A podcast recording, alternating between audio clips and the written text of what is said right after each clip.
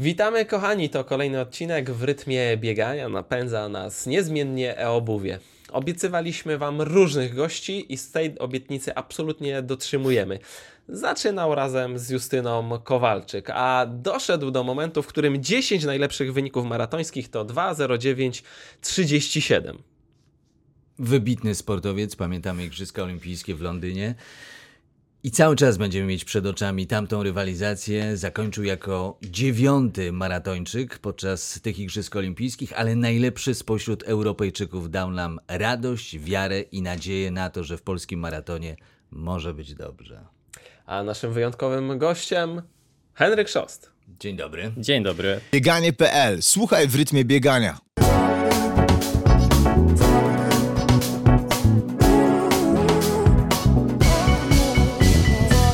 Partnerem cyklu w rytmie biegania jest e-obuwie. Panowie, tak zapowiedzieliście mi już, się, już przerwę, że aż mi ciarki samemu, wiecie, po mnie przyleciały. Ja też się więc- wzruszyłem, ale próbujemy No właśnie, opanować nie- to wzruszenie, dokładnie. dlatego nie zaczniemy stricte od pytania o bieganie, chociaż to jest podcast o, o bieganiu, tylko o sprawy osobiste. Dlaczego rozeszły się wasze drogi? Twoja i Justyny Kowalczyk. To dla serwisów Dobre, plotkarskich dobre, dobre, to jest, nie? To jest, tak, to jest dobre. Bardzo dobrze, do, bardzo dobrze zaczęliście. Faktycznie zaczynałem od nart biegowych. E, prawdę mówiąc, nasze drogi myślę, że się w ogóle nigdy nie spotkały, ale dobrze zacząłeś. E, tak, zaczynałem od nart biegowych. E, mm, oczywiście no, ja byłem zawodnikiem, który próbował gdzieś tam. No, jakoś mi to nie wyszło zbytnio. E, Każdy myślę, że musi trafić na coś, co, co, co jak gdyby lubi robić i przede wszystkim czerpie z tego przyjemność. No niestety narciarstwo, ja, ja, ja z narciarstwa biegowego za bardzo. frajdy? No nie miałem z tego frajdy, dlatego że ja byłem zawsze wątły. E, jeszcze w wieku juniora nie miałem takiej siły, jak gdyby wykształtowanej, a zacząłem biegać w wieku 17 lat, więc dość późno, jak na złapanie odpowiedniej techniki. E, więc jak gdyby szyb, szybko się bardzo znie, zniechęciłem do nart biegowych. E, można powiedzieć, że był to jakiś taki sportowy incydent w moim, w moim życiu. No to chyba E, dzięki Muszynie. No tak, na pewno. No, trafiłem po prostu na trenera, który, który był trenerem nart biegowych właśnie w Muszynie, e, ale myślę, że to, był, to była bardzo fajna ogólnorozwojówka, która gdzieś tam później też procentowała w przyszłości. Czyli nie ma tego złego, żeby na dobre nie wyszło. O, dokładnie. No myślę, że, że każdy sportowiec przechodził różne drogi. Mało jest takich, którzy tak naprawdę e, stricte byli nastawieni na jakiś dystans, na, na jakiś sport, który, który od młodzika już gdzieś tam kończyli e, e, jak gdyby do wieku senior, seniora. Także tutaj. Coś w tej przygodzie w ogóle pomogło ci w bieganiu maratonów, w bieganiu na bieżni, no bo tak naprawdę Myślę, to że wiesz, nie. Mhm. to biegi, biegi narciarskie to jedno, ale twoja kariera no rozkręcała się przez wiele lat. No tak, tak, tak, przez wiele lat, bo ja tak można powiedzieć, że trochę rakiem szedłem w tą karierę sportową od tyłu, tak, bo zacząłem od, e, od nart biegowych, później zacząłem biegać ulicę, to głównie zarobkowo, e, biegi uliczne, tam biegałem w granicach tam 30 minut, tak, powiedzmy dychę, no nie łamałem 30 minut, ale wtedy całkiem dobrze można było na ulicy gdzieś tam sobie dorobić. E, Później jak poszedłem na studia, to też właśnie zacząłem biegać biegi górskie. E, więc e, tutaj gdzieś ta szybkość spadła na, na rzecz wytrzymałości, siły biegowej przede wszystkim. No i później znowu wróciłem na, na bieżnię. E, bardzo taki, taki dziwny powrót, ale chciałem jak gdyby właśnie kierować się w stronę maratonu, który był zawsze moim e, jak gdyby marzeniem. Zawsze podziwiałem maratończyków i To marzenie kiedy się pojawiło? Zacząłeś, sam mówisz, biegać dość Powiem późno, szczerze, że na samym 17 rok początku, bo, bo w ogóle ja zaczynałem. E, ja zaczynałem tak naprawdę z moim wujkiem, który był maratończykiem, który był bardzo dobrym e, amatorem e, biegów ama, e, maratońskich, A wujek się nazywa? e, Jacek Szost. E, Więc, e, więc on mnie namówił tak naprawdę na, na bieganie, a, a to namówienie na bieganie w ogóle wzięło się od tego, że pamiętam, że na pierwszych zawodach szkolnych podstawówce przegrałem z kolegą, który palił papierosy. I bardzo mi to siadło na ambicji, że jak ja, który nie palę papierosy, mogę przegrać przełaje takie szkolne z kolegą, który to papierosy pali. No, byłem tym załamany. E, Później pojechałem na jakieś e, szkolne zawody też, e, które przybiegłem gdzieś tam, pamiętam, była 11, 12, nie pamiętam, poza pierwszą dziesiątką. A predyspozycje miałem, tylko że no za bardzo nie trenowałem, tak? No wiadomo jak to w szkole, są zawody z łapanki, tak? Na przykład ty, ty, ty, Tak, tak, tak, tak. szczupły jesteś, chodź, pewnie będziesz dobrze biegał, nie? No i pojechałem gdzieś tam raz, drugi dostałem e, łomot, jak to się mówi. No i wujek mi powiedział, słuchaj, no predyspozycje masz super, tylko żeby dobrze biegać, czy żeby nawet te szkolne zawody wygrywać, no to trzeba troszeczkę potrenować, nie? No i pamiętam... I nie palić papierosów. No nie palić Upewniam się papierosów. tylko, że ten e, twój kumpel ze szkoły, on nie palił biegając, bo teraz gość przebiegł maraton. No tak, tak, paląc. tak. No, bardzo ciekawa historia, tak słyszałem o tym Chińczyk. Całą bramkę strzelić w trakcie jednego Tak, maratonu? także- Hej! Także, e, także, tak jak mówię, tutaj gdzieś, e, gdzieś myślę, że ta, ta poruszona moja ambicja spowodowała to, że ja w ogóle zacząłem się ruszać, zacząłem trenować. Pierwsze buty właśnie dostałem od wujka, takie już troszkę wybiegane e, buty. e, No i zacząłem sobie gdzieś tam dwa, trzy razy w tygodniu taki dystans. Wujek mi powiedział tam, słuchaj, 3-4 kilometry sobie tam przebiegnij, no i to był cały mój trening, tak? No i, i gdzieś to tak zabodźcowało, że od razu następne zawody, które były w Muszynie, tam pamiętam biego puchar burmistrza miasta Muszyny właśnie wygrałem. E, wygrałem No, dość takie mocno. rzeczy zostają w pamięci. Tak, pewnie, no. zostały, bo to był taki pierwszy bieg, no i później już jak, e, jak się przekonałem, że mogę wygrywać i to było tak gdzieś w całej mojej karierze, jak ja już się prze, przełamałem, bo miałem nawet takich zawodników, z którymi po prostu nie mogłem wygrać, e, był takim zawodnikiem był na przykład Rafał Wójcik, który również bardzo był sławnym naszym przeszkodowcem, maratończykiem później też. E, nie mogłem z nim wygrać. Jak już się przełamałem, jak już raz wygrałem i wiedziałem, że mogę z nim wygrać, to już później z nim e, raczej tam gdzieś wygrywałem na biegu. nie, Jak na dobry biegu posokowiec, poczuł krew i poszedł za... No dobrze, gdzieś ta, ta, ta krew jak tego myśliwego zawsze we mnie chyba gdzieś tam drzemała, E, więc, e, więc, e, więc tak jak mówisz, no takie przełamanie właśnie gdzieś tam psychiczne e, i, i poruszenie ambicji spowodowało to, że w ogóle zacząłem, zacząłem sport, zacząłem, zacząłem biegać. Tak? No dobra, dorabiałeś na ulicy, potem pojawiła się myśl Dziwnie o to tym... brzmi trochę. No trochę dziwnie brzmi, ale nie mija Ale się z zauważyłeś, prawdą. że od początku staramy się być kontrowersyjni. No wiem, wiem, widzę właśnie, że no ale dobra, okej, przyjmuję na klatę. Ale to wiesz, to jest taki bardzo odwrócony model, bo wypadałoby najpierw poprawić się szybkościowo na dystansach krótkich, e, Tak. trójeczka, piąteczka, dyszka, Mhm. a potem no, wejść na połówkę i tam e, pobiec minutę, dwa, Wiesz może co, ja, szybciej. tak, wiesz co, ja miałem taki, ja miałem taki e, epizod, można powiedzieć, krótki z bieżnią.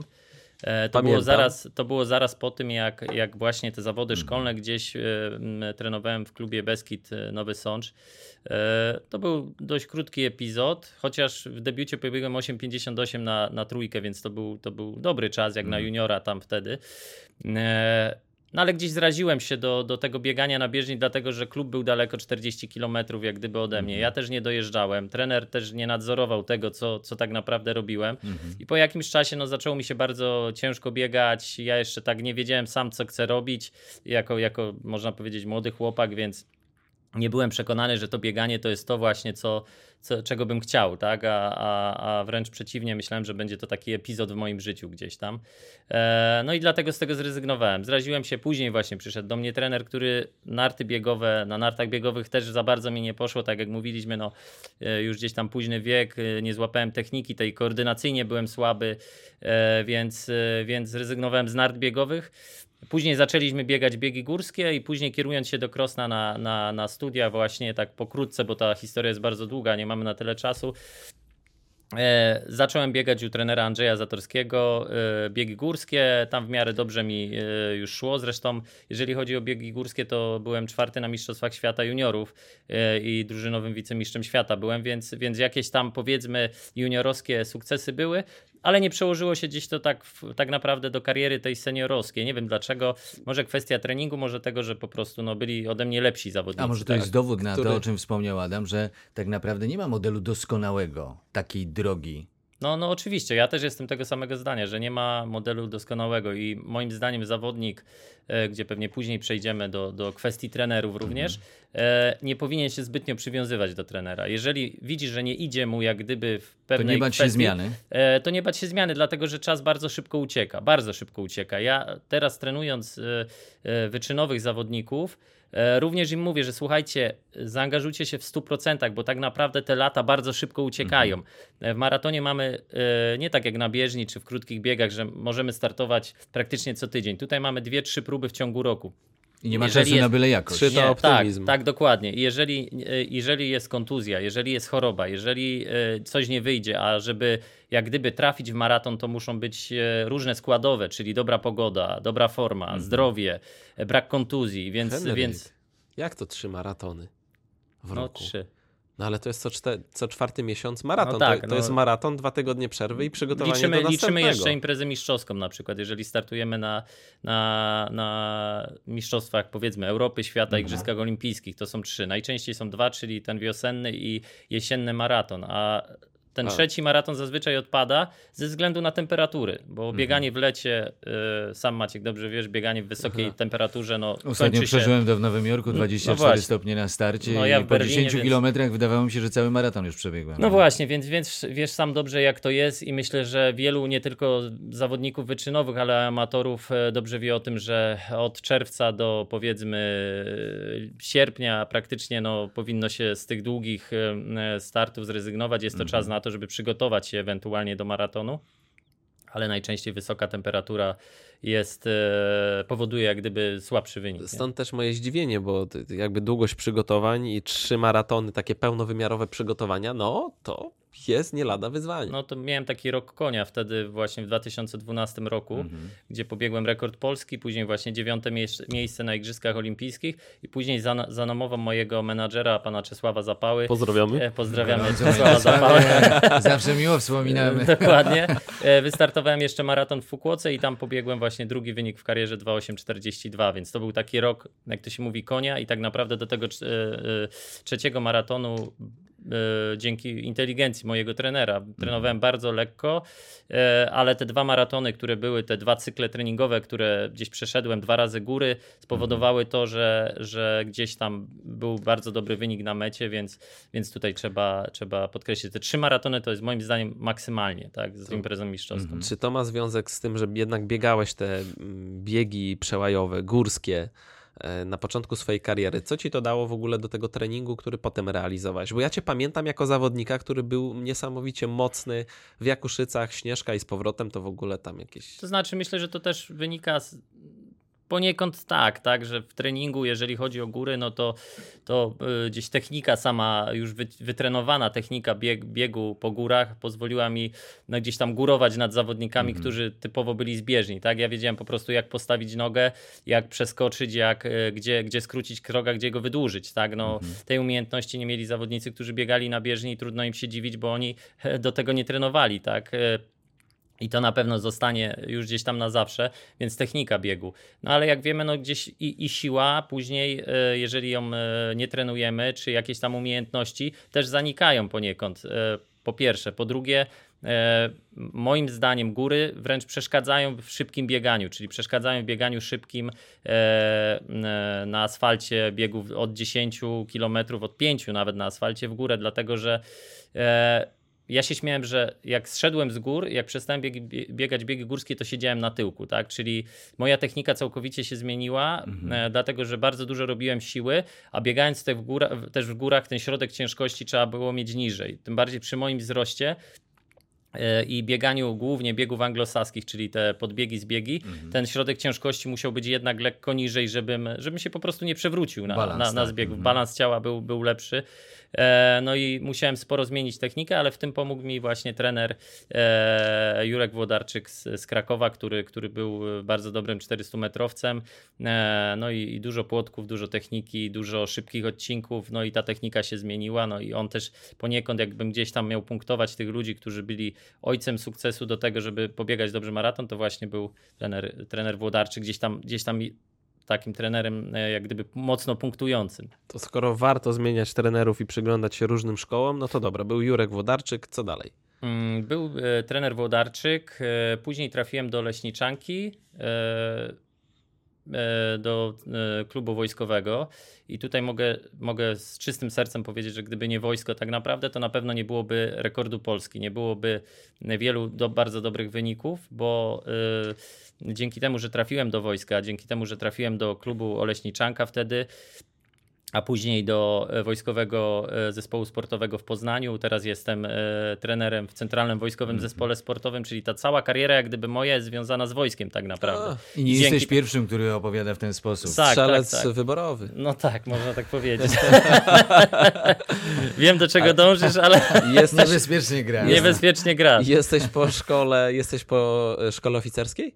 E, jestem, nie, e, po kursie podoficerskim, także po szkole Kapralu? oficerskiej nie, e, ale jestem po dziewięciomiesięcznym przeszkoleniu, czyli to nie było jakieś tam krótkie, krótkie szkolenie żartów. po, po Czyli to nie po było tylko ubieranie starszy munduru, kapral, tak? przepraszam, Mhm. starszy kapral, więc Starszy uważaj, kapral. co mówisz, no właśnie.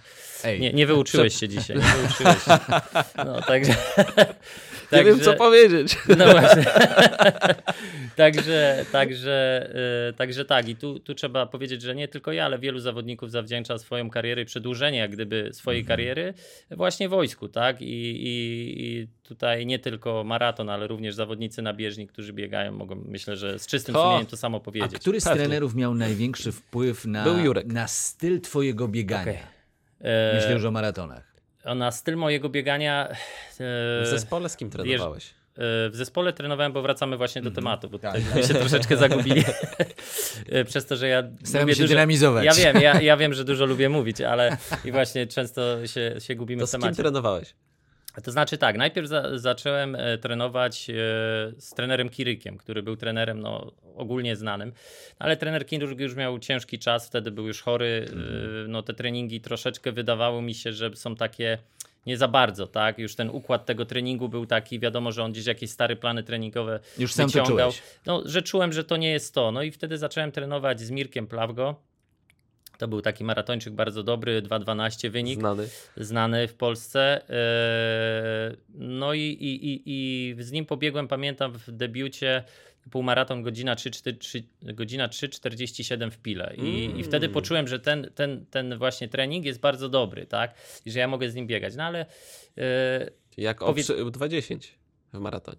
Mirek? Nie, ja mówię, że po Aha, takim okej. wyniku w połówce, jak No, no, oprzył to 20 w maratonie. No poniekąd tak, ale nie do końca to się tak, wiesz, wszystko składa, nie? Bo to by tak za pięknie by to wyglądało, gdyby te wyniki z półmaratonu przekładały się na, na maraton, a nie zawsze się przekładają. Dobrze o tym wiemy. Tak. E, Czego się nauczyłeś od Mirka? E, wiesz co, y, to była, można powiedzieć, taka stara szkoła y, maratonu, ale y, jak gdyby Mirek bardzo mocno pilnował, żeby się na treningach nie zajeżdżać, czyli żeby nie przesadzać. I myślę, że to był taki duży plus. E, że ten trening był bardzo ładujący i na początku taki bezpieczny, jak gdyby, tak? Także nie było takiego biegania jakiegoś na zajechanie się. E, Po, po pierwsze. Po drugie, on jako zawodnik wtedy jeździł z nami, jako właśnie na, głównie na obozy wojskowe, jak jeździliśmy. On był też żołnierzem, jeździł z nami, więc pilnował mnie, tak? Byliśmy razem, dużo, dużo, dużo rozmawialiśmy. I myślę, że trochę szkoda, że Mirek gdzieś tam odszedł z tego e, e, świata biegowego, jak gdyby na bok, trochę odsunął się jako trener, bo moim zdaniem był to bardzo, bardzo, byłby bardzo dobrym trenerem, bardzo naprawdę dobrym, inteligentnym, człowiek, który trenował sam bardzo mocno, miał taką ksywę żela, żelazny karzeł, miał, był, był niski, ale był w stanie wszystko, wy, e, był w stanie wszystko wytrzymać, każdy trening był w stanie wytrzymać. On ma Więc- nadzieję zna tę ksywkę, czy dopiero dzisiaj? Nie, myślę, że zna, bo był niski i tam chłopaki A, tak to, na nie, niego to mówili. nie więc jedyna myślę, jego się, ksywka. no, myślę, że się nie obrazi. E, no, był, był zawodnikiem bardzo, bardzo wytrzymałym, jak gdyby, i niekontuzyjnym, a to jest w sporcie bardzo ważne. Helga, powiedz, co znaczy y, stara i nowa szkoła biegania? Czy, czym one się różnią? Ciężko powiedzieć o starej i nowej, bo ta stara szkoła, czyli ta szkoła maratonu polskiego dalej funkcjonuje e, u wielu zawodników, wielu trenerów. Głównie związana jest z tym, że e, jak gdyby biega się bardzo dużą ilość kilometrów i akcenty, które są, są bardzo często. E, czyli no, tą, tą, tą szkołą trenowaliśmy na przykład właśnie u Grzegorza Gajdusa. Czy kolejny szkoleniowiec? Kolejny trener właśnie e, Wojskowy. Tak, e, jak przeszliśmy z Oleśniczanki do, do Poznania, do, do zespołu wojskowego, zespołu sportowego w Poznaniu, no to objął e, funkcję trenera Grzegorz Gajdus i jak gdyby no, za swoim doświadczeniem idąc zaczął nas trenować e, tym treningiem. Ja nie twierdzę, że ten trening jest zły, bo on oczywiście, e, można tak powiedzieć, że on bardzo dobrze przygotowuje do e, e, organizm e, do, do Długiego wysiłku. do, do, do długiego wysiłku to po pierwsze, tylko że bardzo fajnie przechodzi się z niego na taki trening e, właśnie e, zachodni bardziej, taki amerykański lub, lub, lub ten angielski, tak, angielską szkołę, bo znowu tamta szkoła jest e, lżejsza. Tutaj w, w tej szkole starej polskiej szkole maratonu główny nacisk kładło się na kilometry i jak gdyby drugie zakresy, e, tempa biegane dość często. Tu już jak patrzymy na tą szkołę amerykańską, Czyli z tej polskiej szkoły łatwiej jest przejść na tę zachodnią Zdecydowanie, szkołę, zdecydowanie, amerykańsko-angielską, zdecydowanie. niż odwrotnie. A Myślę, dla że tak. amatora, która z tych szkół? Tak na początek. Ktoś mówi, a biegam dyszki, chcę maraton. E, Tutaj jest temat znowu rzeka, e, jeżeli chodzi o trening amatorski, bo e, wbrew pozorom, trenując amatorów teraz, e, czasem ten trening jest nawet, powiem Wam, ciężej skomponować niż e, zawodnikowi wyczynowemu, dlatego że wyczynowcowi e, jak gdyby układam trening i nie martwię się o to, co on jeszcze w międzyczasie robi. On ma ten trening wykonać, tak? I odpocząć. I odpocząć. A To jest jego zadanie. dynamika zmian Dokładnie, jest nie tylko praca, y, zdrowie, Mhm. rodzina, wszystko, co się składa. Czyli, czyli, czyli tak naprawdę ten trening musi być bardzo mądrze ułożony, y, a przede wszystkim, y, Z możliwością przemodelowania. też. oczywiście w każdym momencie, a przede wszystkim to, co ja zawsze powtarzam amatorom, ludziom, z którymi współpracuję, nie nadrabiamy tego, co straciliśmy. Mhm. Bo czasem wypada, nie wiem, masz wyjazd, tak, e, w pracy, y, co, cokolwiek, nie wiem, Żona praca- wprowadzi areszt domowy. no, no chociażby, tak? Nie możesz, nie możesz tego treningu zrealizować. to wtedy go, niż, e, oczywiście, niż nadrabiać. Mhm. Niż, ni- niż nadrabiać, niż e, powtarzać coś. To, to jest, to jest naj, najbardziej, najczęstsze jak gdyby pytanie, które występuje, jak, jak gdzieś tam amatorzy do mnie, ci, którzy, których trenują, piszą, słuchaj, wypadły mi trzy dni z treningu, to co, nadrobimy je teraz, czy zmień tak trening, żeby ten trening Mhm. zrobić? Nie, właśnie nie. Rób, realizuj trening dalej, tak? Plan, który masz. To jest, to jest bardzo normalne. Mhm. Ja wam powiem szczerze, że u mnie w mojej karierze te treningi często wypadały ze względu na to, że ja byłem dość chorowity. Często zapadałem na anginy, na jakieś tam przeziębienia, na inne sprawy. Jeżeli ten cykl treningowy, ten BPS, który tam trwał powiedzmy 14 tygodni, tak, e, w, w, w ciągu tego cyklu wypadł tydzień, to nic się tak naprawdę nie działo. Nic się złego nie działo. Ważne, żeby nie próbować nadrabiać, żeby ten trening się nie nałożył na siebie, więc, więc na pewno tutaj, e, tutaj e, tu jest taka różnica między tym treningiem, jak to się mówi, bie- biegacza wyczynowego, amatora, że tam trzeba jednak więcej zwracać uwagę na ten czynnik ludzki, tak? czyli na to, co z tym człowiekiem się aktualnie dzieje, jak, jaką, jaką on ma pracę, czy, czy nie wiem, coś mu tam wypada, czy, czy, a tutaj jak masz zawodnika, którego prowadzisz, tak jak ja mam tutaj zawodników wiadomo, młodych oni muszą grupie, to zrobić, no. Oni, oni mają to wykonać, tak? To jest ich praca, oni mają to zrealizować i skupić się na, na jak gdyby odpoczynku. Mhm. Czyli tu jest taka różnica, jak gdyby już poruszyliśmy tą kwestię amator, a, a zawodnik No dobra, to- wyczynowy, a jeżeli chodzi o, o różnicę trening. między treningu, w treningu, no to e, taką bardzo dużą różnicę wniósł kolejny mój trener, Leonid Szwedcow, który miał największą, e, największy wpływ na moją karierę, jak gdyby. To było bardzo przypadkowo, się zdarzyło, że ja do niego tak naprawdę trafiłem. E, ale to nie wiem, czy teraz co- omówić, czy później To, to, to, to, to trochę Bo- później, nie. bo ja ciągle Bo nie, nie łapiecie już. bo ja ciągle nie, nie, wiem, łapiemy, łapiemy, nawet sobie część notujemy rzeczy. Wiem, bo wiem. ja bo- ciągle nie wiem, czy łatwiej amatorowi robić objętość, czyli tą przysłowiową, tylko z nazwy, starą szkołę, bo ona po prostu ma Ale nie duży jesteś- brodę, ale nie jesteś w stanie- interwałową, Ale moim, nową. zdaniem, ale moim zdaniem zdecydowanie jest lepsza droga tego zachodniego treningu, czyli tego, w którym jest więcej jak gdyby tego czasu na odpoczynek, czyli więcej czasu na rega, regenerację. Ale jak lutujesz, pamiętajcie, to lutujesz. to dokładnie, bo pamiętajcie, że najważniejsze, dobrze wiesz o tym, w treningu jest regeneracja Lutować. jest. A, nie. No nie, lutować. No wiesz, no oczywiście, może w treningu wyczynowym tak, ale, Ale nie ja do końca. wrażenie, że cały czas u nas amatorzy albo są nieuświadomieni do końca, albo e, nie chcą mieć tej świadomości i im zależy na tych kilometrach. I jeśli nie wybiegają, to, Ale wiesz co, bardzo Nie łatwo jest pojadą. to, to tak, to Ale- nie, ma, nie, ale nie wiesz mają co- takiej świadomości, że to może się Tak, ale wiesz co, bardzo łatwo ten problem jest rozwiązać tym, że zamiast ogólnego kilometraża tygodniowego, czyli biegania Mhm. codziennie dużej ilości kilometrów, wplatasz jeden trening długi, czyli nie wiem, 26, czasem 30 kilometrów, tym jeden załatwiasz trening sprawę. i tym załatwiasz sprawę, bo, bo to nie jest tak, że my codziennie będziemy biegali dużo kilometrów, to znaczy, że my dobrze pobiegniemy. No nie. pewnie, pewnie. Gdyby tak było, to ludzie by biegali po 300 km Mhm. w tygodniu, tak? Chodzi o to, żeby dawać impulsy organizmowi, bodźce, tak? A te bodźce polegają na tym, trening szybkościowy jest bodźcem, trening siłowy jest bodźcem, trening e, objętościowy jest bodźcem. Każdy z tych elementów jest bodźcem, tak? Mhm. I, I my dajemy pojedyncze bodźce, a nie dajemy go codziennie. My musimy wypocząć, bo jeżeli nie wypoczniemy, to to wszystko nam się nałoży i tak jak mówiłeś, od 15 kilometra jest e, przysłowiowy zimny Herbert, który siedzi ci na plecach i, i, i ciągniesz nogi za sobą, tak? E, I dając trening na przykład y, objętościówkę 26-30 km, my dajemy bodziec organizmowi, aha, on wtedy od, odczytuje to, coś się Uważaj, będzie działo, bo tak. coś się będzie działo w przyszłości długiego. Przyzwyczajamy go, ponad dwie godziny pracy, pracujemy, tak, czyli przyzwyczajamy to ten organizm, czy nawet i więcej, bo, no bo No pewnie. przebie- biegając w różnym tempie oczywiście, ja mówię o treningu wyczynowym, ale biegając jako amator To może być po 3 godziny zupełnie i, spokojnie. i, i więcej, tak? Mhm. Także, także sam o tym wiesz. Nie? A ile czasu trzeba potem regenerować glikogen? No bo jednak cały tydzień mamy treningu za sobą. Zakładam, że gdzieś tam w weekend robimy to długie rozbieganie.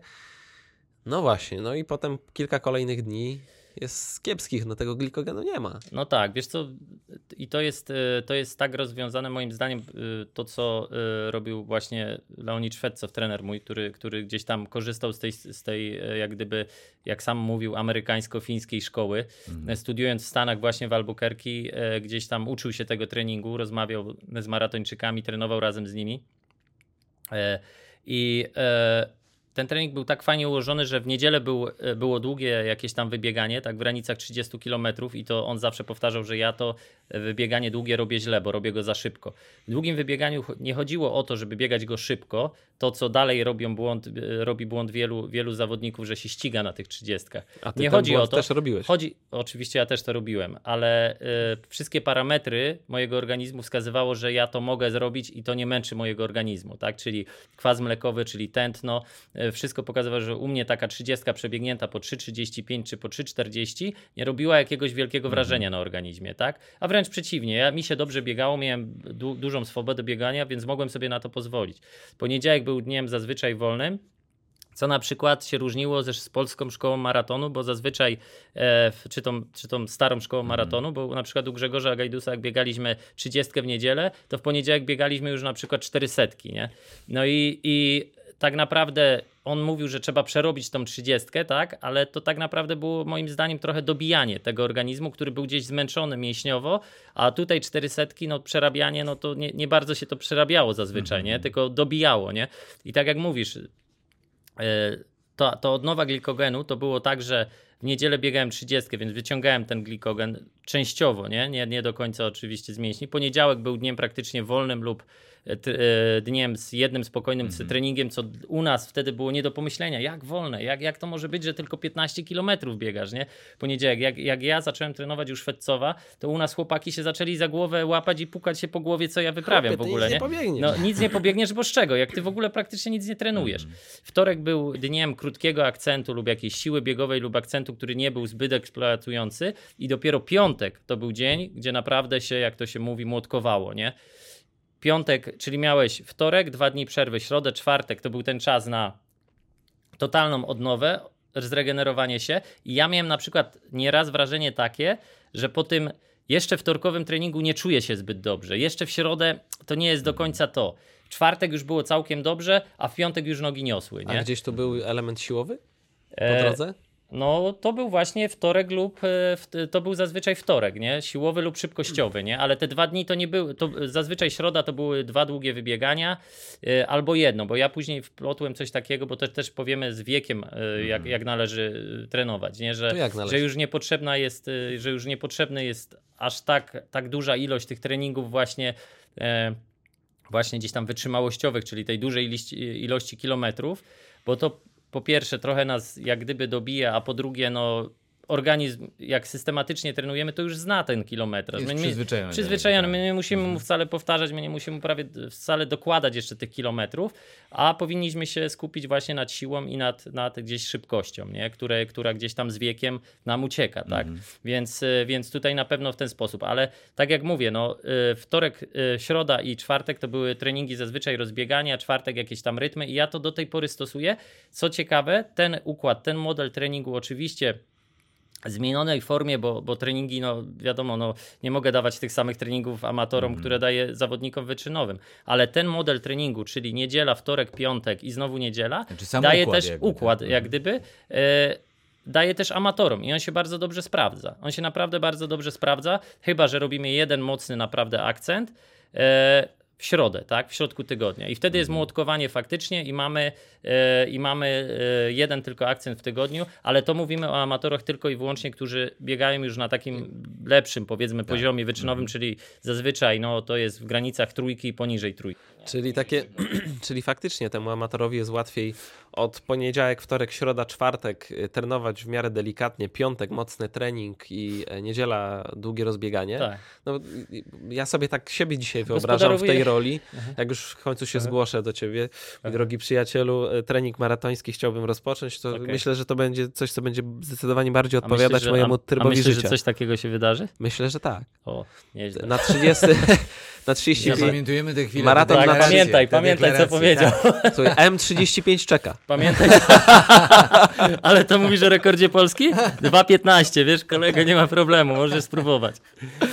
No. Ale to jest plan, to jest plan. Widzisz, zawsze chciałem poniżej 2,20 pobiec, ale może być ciężko, Dobrze co prawda. cel, nie? Tak, ale tak, 2,30 tak. byłoby piękne połamać. Taki No. dobry kobiecy wynik.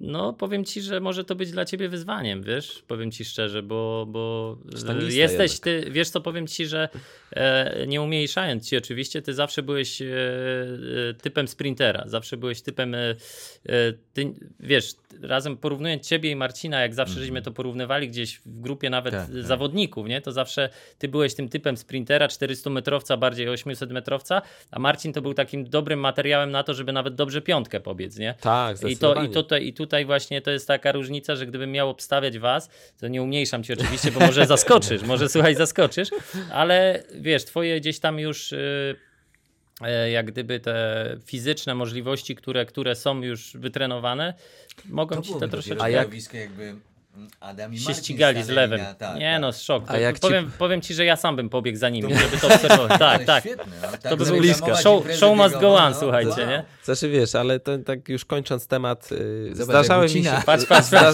znaczy, bo jestem ciekawy twojej opinii po No, prostu, no, no, bo ja nie. biegałem rozbiegania po 3,20 na dwa mole. Okej. Mhm. Dlatego, że miałeś bardzo wysoki wtedy próg y, mleczanowy, biegając 800 metrów, ale gdybyś teraz zaczął to biegać, to uwierz mi, że troszeczkę ten kwas, panie kolego, byłby jednak wyższy.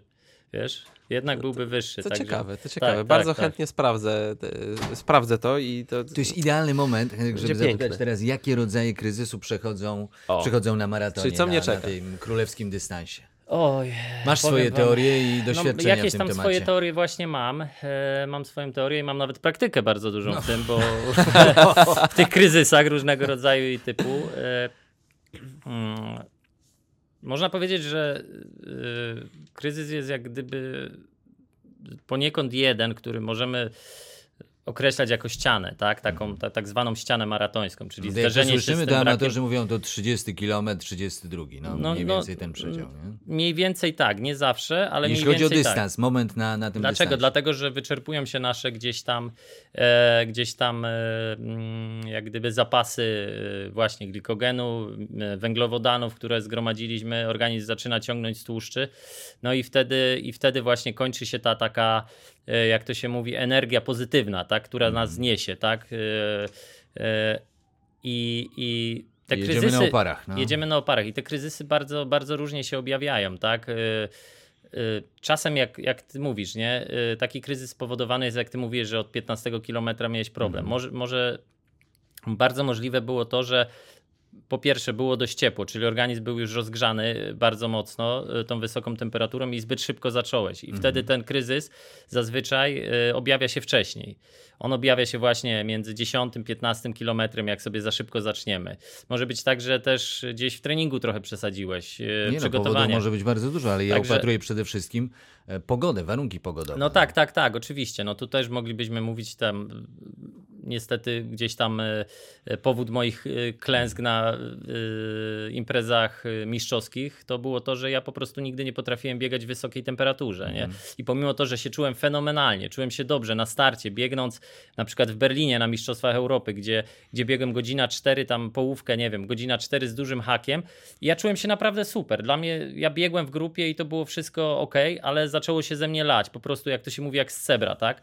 I jeżeli tracimy elektrolity, elektrolity były w organizmie. Bardzo gorące mistrzostwa. No właśnie, powiedzmy to były szczerze. mega gorące mistrzostwa i wtedy, wtedy temperatura w granicach 30 Mhm. stopni w Berlinie, nagrzanym mieście, gdzie, gdzie przeważa asfalt i beton, no to, to, to jeszcze no, biegło się jak w termosie, tak? Mhm. E, I pomimo to, że byłem bardzo dobrze przygotowany, no to gdzieś tam mój organizm się odwodnił, mięśnie zesztywniały i było po sprawie i gdzieś tam Gdzieś tam ten kryzys wystąpił po 25 kilometrze i, i, i to był powód właśnie tego, że, że no słabo pobiegłem 19 tam chyba miejsce dopiero, więc to e, o ile się nie mylę, więc to no, no słaby wynik, tak? Jak na zawodnika, który tak, tak. Moja słaba pamięć jednak jeszcze troszkę tam gdzieś sięga. E, Więc był to na pewno słaby wynik jak na zawodnika, który gdzieś biegał 2,8, tak? I, I oczekiwania i moje i, i w ogóle świata biegowego były dużo, dużo Jak o większe. tym mówisz i o tej imprezie, to, to krótkie wtrącenie tylko. Czego najbardziej ja żałuję i, i myślę Ja. wielu, wielu fanów, twoich i kibiców lekkiej atletyki, e, to, że brakuje ci tych e, sukcesów na mistrzowskich Tak. imprezach. Medali z e, mistrzowskich imprez. Może nie z mistrzostw świata, ale z Tak. mistrzostw Europy. Tak, chociażby. tak, zdecydowanie. No to jest taki mój, taki powiedzmy Bo biegowy to, ból bo to trochę, tak? powinno się wydarzyć, a się nie wydarzyło. Oczywiście, oczywiście. To powinno się poda- wydarzyć już w Zurichu, tak? Gdzie, gdzie tam 14, składowa, skła, 2014. tak, składowa y, gdzieś nieszczęśliwych wydarzeń i przede wszystkim chorób, tak? No, ja, ja nie pamiętam, żebym kiedykolwiek był chory dwa razy w, w ciągu przygotowania, w ciągu BPS-u, czyli 14 tygodni.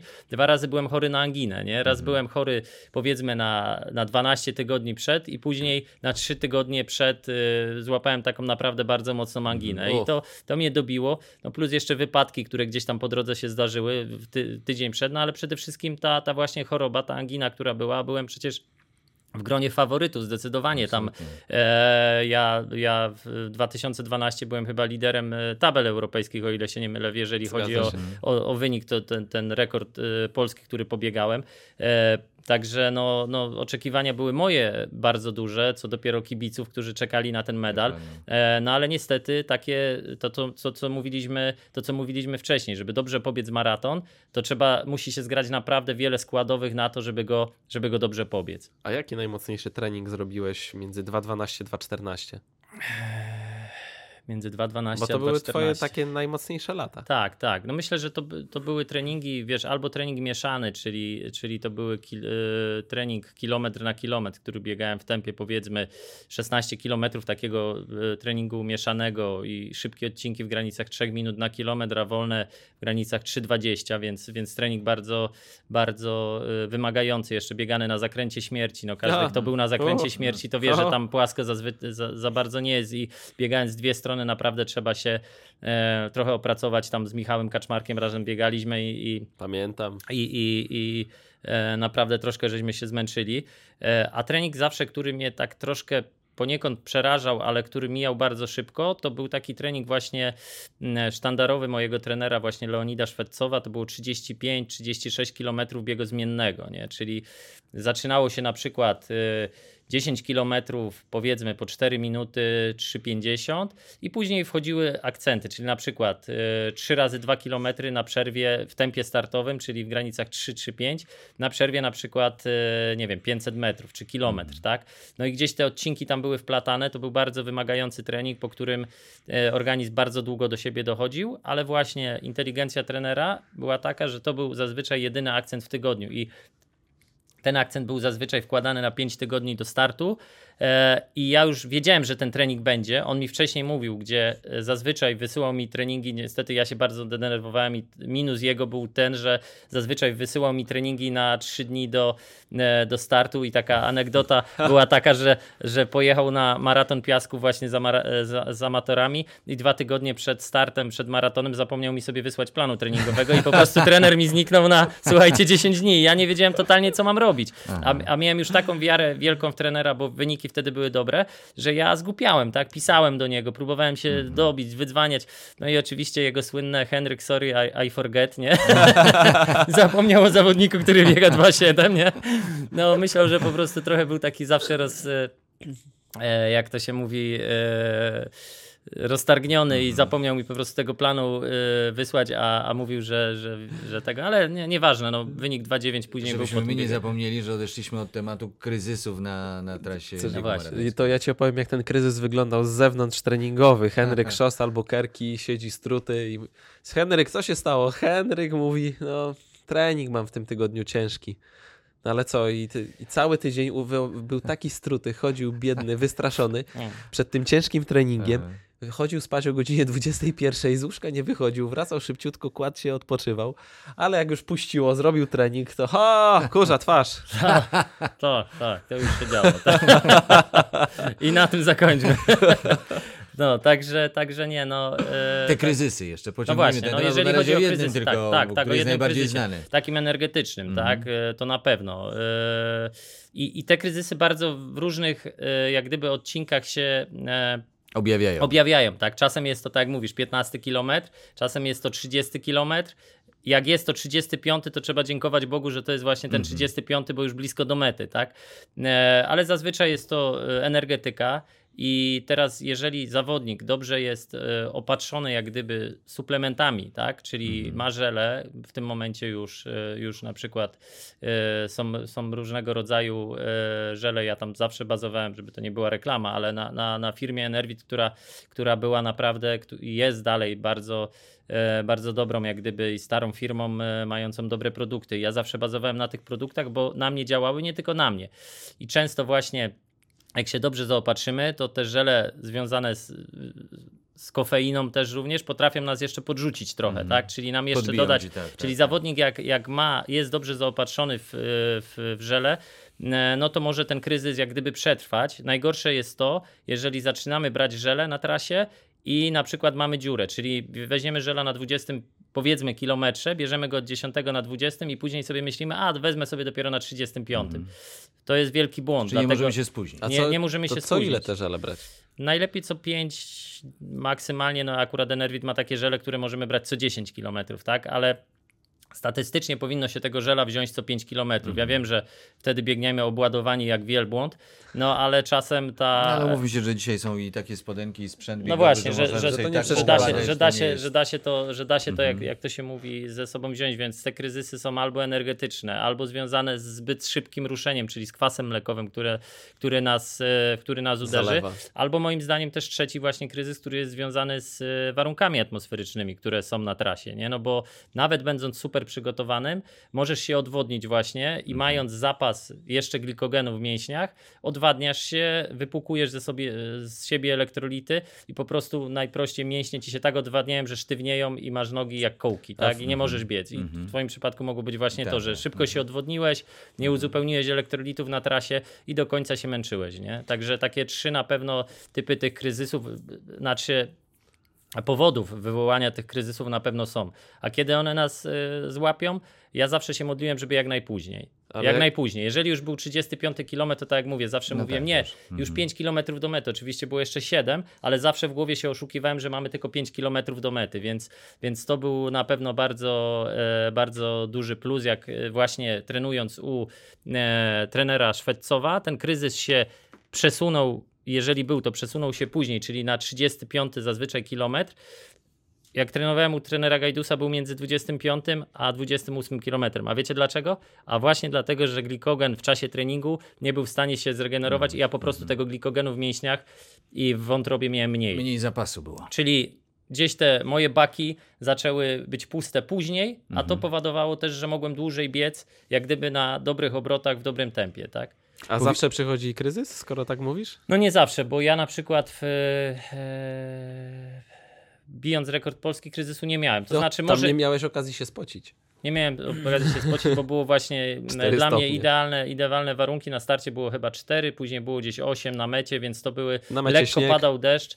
No więc, więc, y, więc, był, y, więc były jak dla mnie idealne warunki do tego, żeby żeby biegać, żeby się właśnie, tak jak tu mówimy, nie odwodnić, nie wysuszyć tych mięśni, nie wypukać ich z, z różnego rodzaju mikroelementów, które powodują, że ten mięsień też i z wody, i że ten mięsień jest elastyczny i może pracować. A ja jestem zawodnikiem, który zawsze bazował na luzie, na swobodzie, więc e, dla mnie było bardzo ważne to, żeby ten mięsień był elastyczny. Zawodnik, który biega siłowo, pociągnie jak gdyby dystansowo dalej, jeżeli nawet taki, taki przypadek ma, tak? Bo on y, ma większą ilość tych mięśni, większą masę mięśni, a u mnie zawsze, jak to mówili, kenijska łydka, tak? Także, także no wiadomo, że to, to, to mi gdzieś tam utrudniało. Henryk, a, a oręż w walce z kryzysem e, w biegu maratońskim? Mocna głowa, tylko i wyłącznie. E, Mhm. Mocna głowa i, i tak, jak tu, tak jak tutaj mówimy, dobre zaopatrzenie właśnie w żele, w, e, albo w płyny, które pomagają nam jak gdyby To, to powiedzieliśmy, ale ta głowa, bo rozwinij temat głowy, mocnej głowy. To znaczy, moim zdaniem,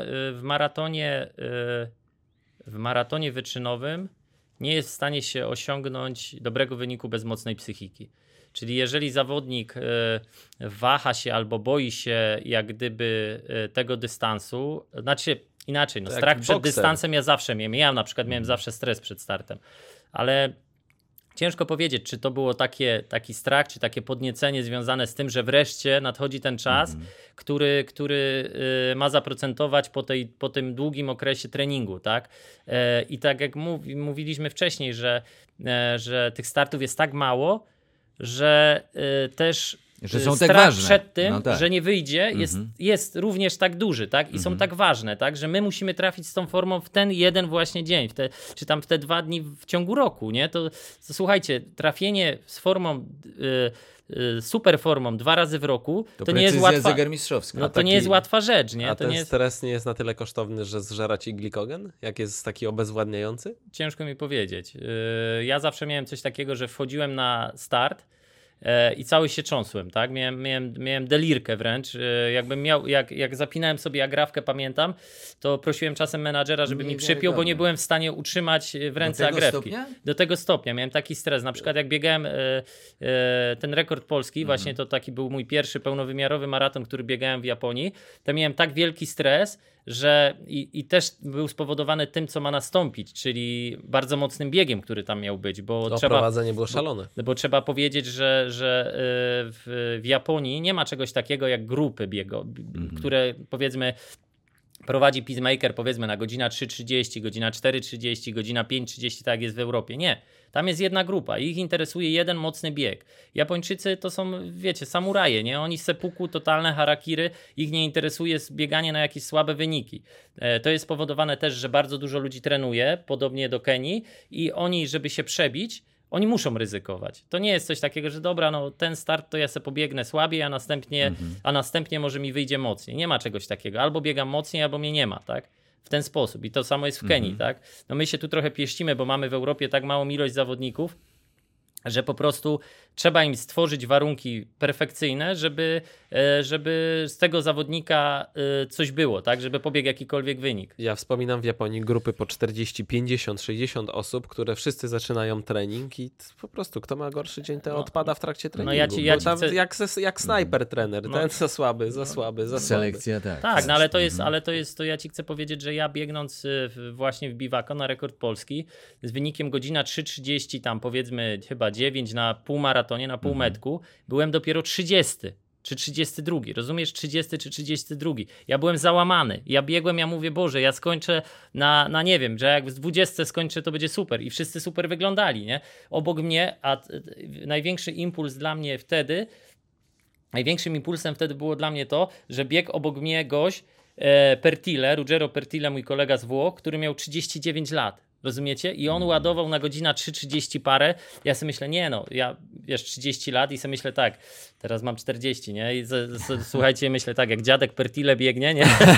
z nimi to i ja biegnę, nie? Także, także to, y, to może też był jakiś impuls. Później gdzieś ta grupa się zaczęła rozciągać, jak zaczęła się rozciągać i zawodnicy odpadać, to gdzieś właśnie ta psychika, u mnie ta głowa, która, bo ja jestem generalnie typem zadaniowca takim, typowym zadaniowcem, tak, że Mam zadanie, które mam zrobić i ja go zrobię, chociażbym miał paść, nie? Dlatego często moje maratony kończyły się tak, że yy, znaczy często, czasami, źle to powiedziałem, czasami te maratony kończyły się tak, że po prostu ich nie kończyłem. Bo padałeś Bo, po bo padałem, bo po prostu padałem, bo, bo to jest tak jak w samochodzie. Jedziesz, kończy ci się paliwo, stajesz, nie? I to samo było ze mną. U mnie nie było, e, u mnie nie było, e, e, nie wiem, średnio, było albo dobrze, albo źle, tak? No i w ten sposób podchodziłem do sprawy, że, że albo ja będę biegał mocno i moje wyniki będą takie, że będę e, w Europie powiedzmy czołowym zawodnikiem, albo zginę w tłumie, nie? Zginę w tłumie zawodników średnich. Takie było moje podejście i i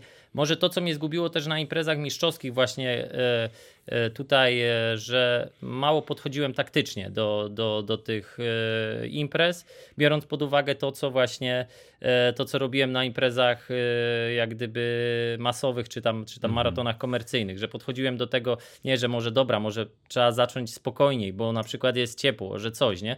Ja już miałem tak psychikę ustawioną, że jak widziałem, że, że idą w przód zawodnicy, którzy są nawet słabsi ode mnie, to ja psychicznie nie mogłem wytrzymać, ja musiałem być z nimi. Musiałem z nimi nawiązać. zaparte. Dokładnie, musiałem z nimi nawiązać walkę. No i to był może mój błąd, może gdzieś tam właśnie dlatego brakuje tych medali poniekąd. Po drugie, no to jak, tak jak mówiłem, taki zbieg nieszczęśliwych wydarzeń i to, to jest na, na, na pewno taki mój, e, takie moje braki wielkie, które są w mojej karierze, to to, że, że właśnie nie ma tego medalu, bo nie liczyłem, tak jak mówiłeś, nie liczyłem nigdy na medal Mistrzostw Świata, bo wiedziałem jaki jest poziom e, Kenia, Etiopia i w ogóle, czy, czy Igrzysk Olimpijskich w ogóle, chociaż moim, ja byłem wielkim fanem e, e, Stefano Baldiniego, który, który był dla mnie niesamowitym bodźcem i ten jego filmik, kiedy biegał e, w Atenach na, na metę, to był po prostu, ja go oglądałem tysiące razy, tak? E, I, I go bardzo podziwiałem. To był taki zawodnik, biały zawodnik, który wygrał z kenijsko-etiopską e, tą e, jak gdyby elitą, która, która już wtedy gdzieś tam bardzo mocno się pokazywała, no ale oczywiście wtedy rekord świata był chyba 2-4, nie tak jak dzisiaj, więc, więc i nie było tak wielu tych zawodników przede wszystkim, nie? Chętnie bym elita- 2-4 pobiegł. No, ale na 800? Znaczy, ja nawiązuję do tego, że wiesz, 2-1 czy Daj mu 2-4 to są takie kosmiczne wyniki, do, o których wiesz, trochę się tak bardziej w kategoriach marzenia mówi. E, No, no, no tak, tak, no A ile biegał Boldini? 2,7. 2,7 też biegał właśnie, on chyba dwa razy 2,7 pobiegł. E, On miał ten wynik lepszy ode mnie, miał chyba 2,7,14, o ile się nie mylę, czy 2,7,20, ale, ale zawsze, no słuchajcie, tak naprawdę jakby prześledzić e, tą, tą e, historię maratonu europejskiego, to wcale nie było tak wielu tych zawodników, którzy biegali 2,7, tak? No, jak gdyby ja jeszcze jak karierę gdzieś tam kończyłem, można powiedzieć, swoją, czy, czy już było ku schyłkowi mojej kariery, to, to rekord Europy był 2,6 dalej, tak? Dopiero po erze wejścia butów karbonowych ten, ten gdzieś jak gdyby poziom się przesunął naturalnie, e, ale, ale do tej pory i oczywiście kto, no pobiegł go tak naprawdę nie Europejczyk, ale natural, na, naturalizowany Kenijczyk, więc to dla mnie to w ogóle nie jest rekord Europy i nie powinien nigdy być, bo jeżeli ktoś, dobrze, jak Mofara, tak, w wieku dziecięcym e, przyjeżdża do Europy, wychowuje się w Europie, żyje w Europie, nie wiem, wyjeżdża na treningi, okej, to jest okej, ale jeżeli e, powiedzmy E, zmiana w Turcja, papierach tylko, Turcja tak. kupuje Mhm. zawodnika, który on nie ma Kupowanie poziomu, paszportów. nie ma pojęcia jak, jak flagę trzymać i flagę trzyma Mhm. do góry nogami, bo on nie wie w ogóle, czy on trzyma kawałek materiału, czy on trzyma flagę, bo on, bo on nie wie o tym, bo on jest Kenijczykiem, żyje w Kenii, mieszka w Kenii, trenuje w Kenii. W Turcji był może tylko po to, żeby odebrać par, paszport i on biega e, rekord Europy, to jest jakiś śmiech po prostu. To jest Mhm. kpina z, w ogóle z europejskiego maratonu moim zdaniem. To dobra, to teraz nawiązując do tego, o czym już powiedziałeś, y, naszym partnerem w całej serii jest e-obuwie i to obuwie się zmieniło totalnie od momentu, kiedy ty zaczynałeś. Ja, Tak. pam- ja pamiętam te buty z lat 2000, w których się biegało. W zasadzie to dzisiejsze treningówki, można o tym śmiało powiedzieć.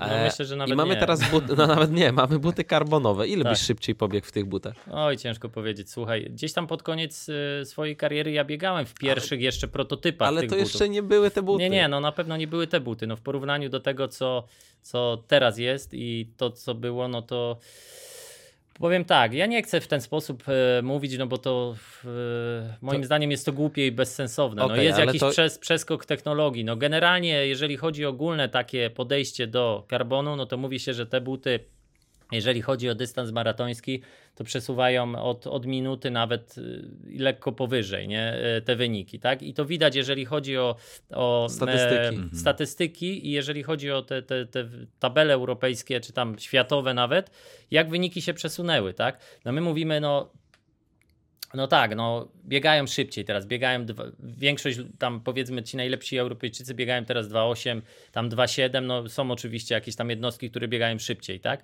No ale co się stało? Nagle co się stało, nie? No co się stało? No wszedł Carbon, który po prostu przesunął ten poziom do przodu, tak? E, odpowiedni trening, odpowiednie, odpowiednie jak gdyby przygotowania e, w tych butach i, i, i start w tych butach spowodowały to, że ten wynik, się, że ten poziom się bardzo mocno e, przesunął, a co ciekawe, jak widzimy, ten poziom bardzo mocno ruszył rok, dwa po wprowadzeniu karbonu, a teraz się uspokoił trochę. Dlaczego? Dlatego, że noga zaczyna się do karbonu przyzwyczajać. I to jest to, czego, co e, jak gdyby ludzie e, o czym zapominają, że e, karbon to jest wspomaganie. To jest jak każde inne wspomaganie, tak? To nie jest naturalna rzecz. To jest coś, co pomaga nam szybciej biegać. Czyli można powiedzieć, że jest wspomaganiem karbon. Czyli trzeba się wytrenować w zwykłych butach po to, żeby skorzystać potem z Moim zdaniem tak, moim zdaniem trzeba trenować e, w butach e, albo zwykłych, albo z karbonem, które mają mniej agresywne jak gdyby e, odbicie. E, o tych butach będziemy za chwilę e, gdzieś tam mm, też, m, znaczy nie w tym programie, ale gdzieś tam będziemy mówili, no bo mamy tutaj właśnie buta New Balance'a, który jest moim zdaniem bardzo dobrym butem do przyzwyczajenia się do biegania. Dokładnie, trainera, który, nowy but, który, który, który jest bardzo dobry do tego, żeby właśnie przyzwyczaić nogę do biegania w karbonie. To jest full carbon, ale nie jest aż tak bardzo agresywny, jest butem cięższym, czyli butem podtreningowego buta, bo to jest but stricte treningowy, jak sama nazwa mówi, trainer, ale który właśnie może przyzwyczaić nogę do biegania w karbonie, nie? Czy my to- dobrze interpretujemy twoje wypowiedzi, że ty nie masz problemu z tą zmianą epoki, że teraz to jest epoka karbonowego biegania, to nie powoduje u ciebie jakiejś frustracji u No na początku, szczer- zawodnika? szczerze czy, mówiąc, na początku frustracja? była taka frustracja na początku i nawet byłem gdzieś tam e, przez takie wypowiedzi byłem gdzieś tam e, skarcony, że, że Mhm. no jak to możesz tak mówić, przecież to są buty też tam, no, no, no w sumie są, no zmiana epoki, bo tam powiedzmy ktoś tam porównywał, że jak ktoś ma silnik lepszy w No, samochodzie. i postęp w ogóle- technologiczny po prostu. no jest to postęp technologiczny, tak? No i później gdzieś tam sobie to wytłumaczyłem, że w sumie no, e, no może tak, no może okej, nie? Może, może, może to jest racja, tak? Tylko, że moim zdaniem też to powinno być tak podzielone trochę na, na te wyniki, które padły w e, epoce zwykłego buta i, i wyniki, które padły w karbonie, bo naprawdę no, my mówimy tutaj o wspomaganiu, tak? Czyli o tym, co nie nielegalnym wspomaganiu, ale wspomaganiu, przy czym wy tego nie pamiętacie, ale pierwsze buty karbonowe, które weszły, No bo tak. pewnie nie byliście może w temacie na początku, ja to e, obserwowałem, e, jak gdyby były bardzo duże kontrowersje, czy ten but może wejść do produkcji, czy nie może. Tak, bo, Mhm. bo jednak jest to zewnętrzne wspomaganie nas. Tak? Ten but wszedł y, cichaczem. No, później były kontrowersje, że nie dla wszystkich. Był No dlatego. nie był dla No i wszystkich. później został wprowadzony właśnie dla wszystkich, no bo Mhm. jak już poszło, jak już się wydało i jak już powiedzieli, że tak, oczywiście, no jest to but z karbonem, gdzieś tam to, ta była płytka nawet podwójna karbonowa, Mhm. nie pojedyncza tylko, więc żeby to unormować, więc zaczęto wysokości buta normować po to, żeby, żeby nie wchodziły dwie płytki, tylko żeby wchodziła jedna, więc to temat też e, bardzo obszerny. Nieważne. Jest nowa era, mamy nową erę, przyjmijmy to, że tak Mhm. jest. E, e, Oczywiście chciałbym, żeby zawodnik, który pobije rekord Polski, pobiegł je w normalnych butach, nie? Mhm. Ale nie jest to możliwe. Znaczy, jest to możliwe, tylko że w erze tego, że już my mamy coś takiego, Nie, że, że, że mamy taką pomoc, Nikt no to nie będzie się nie, cofał. no dokładnie, nikt się nie cofnie, tylko pójdzie do przodu, więc można powiedzieć, że nie mam z tym żadnego problemu.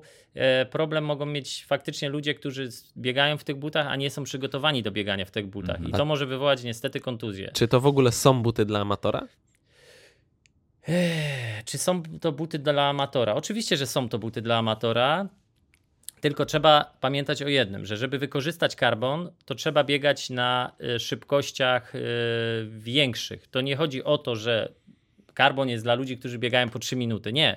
To je, chodzi o to, że karbon bardziej pomoże nam w startach niż w treningu, bo my jeżeli robimy wybieganie, to nie, nie jakieś spokojne tam powiedzmy człapanie, to nie my, my nie wykorzystujemy tego karbonu tak naprawdę, czyli tego odbicia, tak, tej dynamiki tej płytki, bo żeby o, wykorzystać dynamikę płytki, musimy się mocno odbić, czyli musimy przyspieszyć, tak? To jest naturalne. Nie wykorzystują karbonu też i moim zdaniem abstrakcją jest kupywanie to przez ludzi, którzy biegają z pięty tak zwanej, tak? Bo jeżeli lądujemy na pięcie, to jak my mamy wykorzystać ten karbon? Jak my lądujemy na pięcie, odbijemy się z całej stopy. A w karbonie chodzi o to, żeby odbić się od śródstopia, przejść przez jak gdyby palce i mocno odbić się, kopnąć, tak? I wtedy ta płytka napina się i oddaje nam y, energię, tak? Wtedy te, te buty naprawdę robią y, swoją robotę, tak? I na przykład mamy, rozmawialiśmy nawet wcześniej y, o Oli Lisowskiej, Tak, tak, tak. Która, która na, Z belek wyszła przecież. która wyszła z belek i technikę ma bardzo dobrą właśnie do biegania, biega wysoko, biega na śródstopiu. W pochyleniu. E, tak, ona, ona ma bardzo dobrą technikę pod karbon i myślę, że tutaj właśnie ten karbon dla takich zawodników, którzy biegają właśnie ze śródstopia wysoko, tak, będzie, będzie jej pomagał, ale dla ludzi, którzy biegają, jak to się mówi, spięty, myślę, że to średnio pomoże, a nawet może za, lekko zaszkodzić, bo wtedy ta pianka, która jest duża ilość pianki nam będzie wytracała całą energię. Którą wyłapujemy na piętę, tak? Czy, czy przechodzimy przez piętę. Ale to samo jest z kolcami karbonowymi. Ci, którzy nie biegają siłowo, nie potrafią się pchnąć do przodu właśnie z tego wahadła tylnego, tracą na butach karbonowych na bieżni. Tak, tak. I to jest nagminne. Poza Tylko- tym połowa, połowa jakby takich rzeczy, problemów, gdzie ktoś jest siłowo nieprzygotowany, potem problemy zdrowotne wychodzą jak grzyby Bardzo po szybko, deszczu. dlatego że tak jak mówię, do karbonu trzeba być przygotowanym. Przede wszystkim trzeba mieć mocne dwójki, łydki i pośladek. Tak? To jest ta partia, która. Wszystko, co bardzo biega. bardzo tak, to jest wszystko, co biega i, i bardzo dużo kontuzji spowodowanych, moim zdaniem, teraz. Słuchajcie, ja biegłem maraton londyński teraz, y, może o którym porozmawiamy, Mhm. ale, ale biegłem go typowo amatorsko na 3 godziny. I pierwszy raz tak naprawdę mogłem zobaczyć, jak wygląda maraton od kuchni. Tak? Pierwszy raz w życiu. I, e, Było to dla mnie spore przeżycie, bardzo fajne, po prostu, no, tak jak powiedziałem później po maratonie, każdemu wyczynowo biegającemu zawodnikowi polecam to, żeby sobie przebiegł raz właśnie tak maraton na 3 Z godziny. innym spojrzeniem. Z innym spojrzeniem. Słuchajcie, to była bomba, ale wracając do karbonu, ja mnóstwo ludzi widziałem w butach karbonowej pe pewnej firmy, powiedzmy, które są bardzo agresywne, którzy stali przy barierkach i się rozciągali. Rozciągali dwójkę. Skurcze. Dlaczego?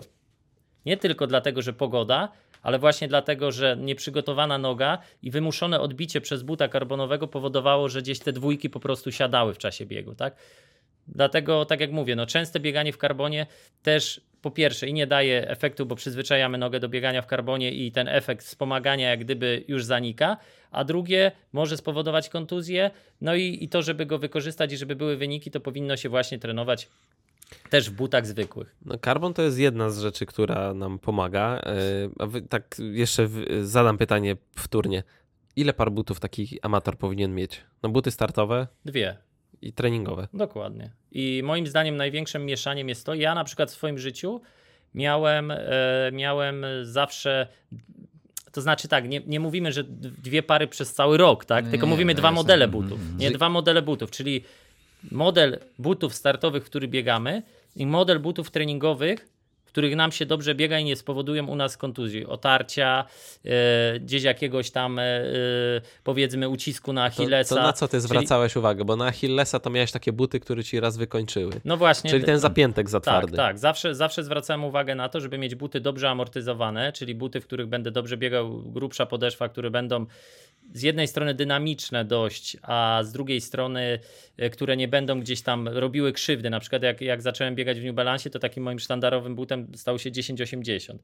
A to Ja no- miałem na przykład trzy pary 1080 i tłukłem tylko w nich, tak? Mhm. Tłukłem tylko w nich, bo to są buty, moim zdaniem, które można, w których można nawet drugi zakres pobiec, bo są dość dynamiczne, mają wystarczającą ilość dobrej jakości, sprężystej, wygodnej pianki i cholewka buta, która jest, ona praktycznie w żadnym momencie nas nie udrażnia. Ani pięta, ani gdzieś tam obudowa całej cholewki nas nie udrażnia.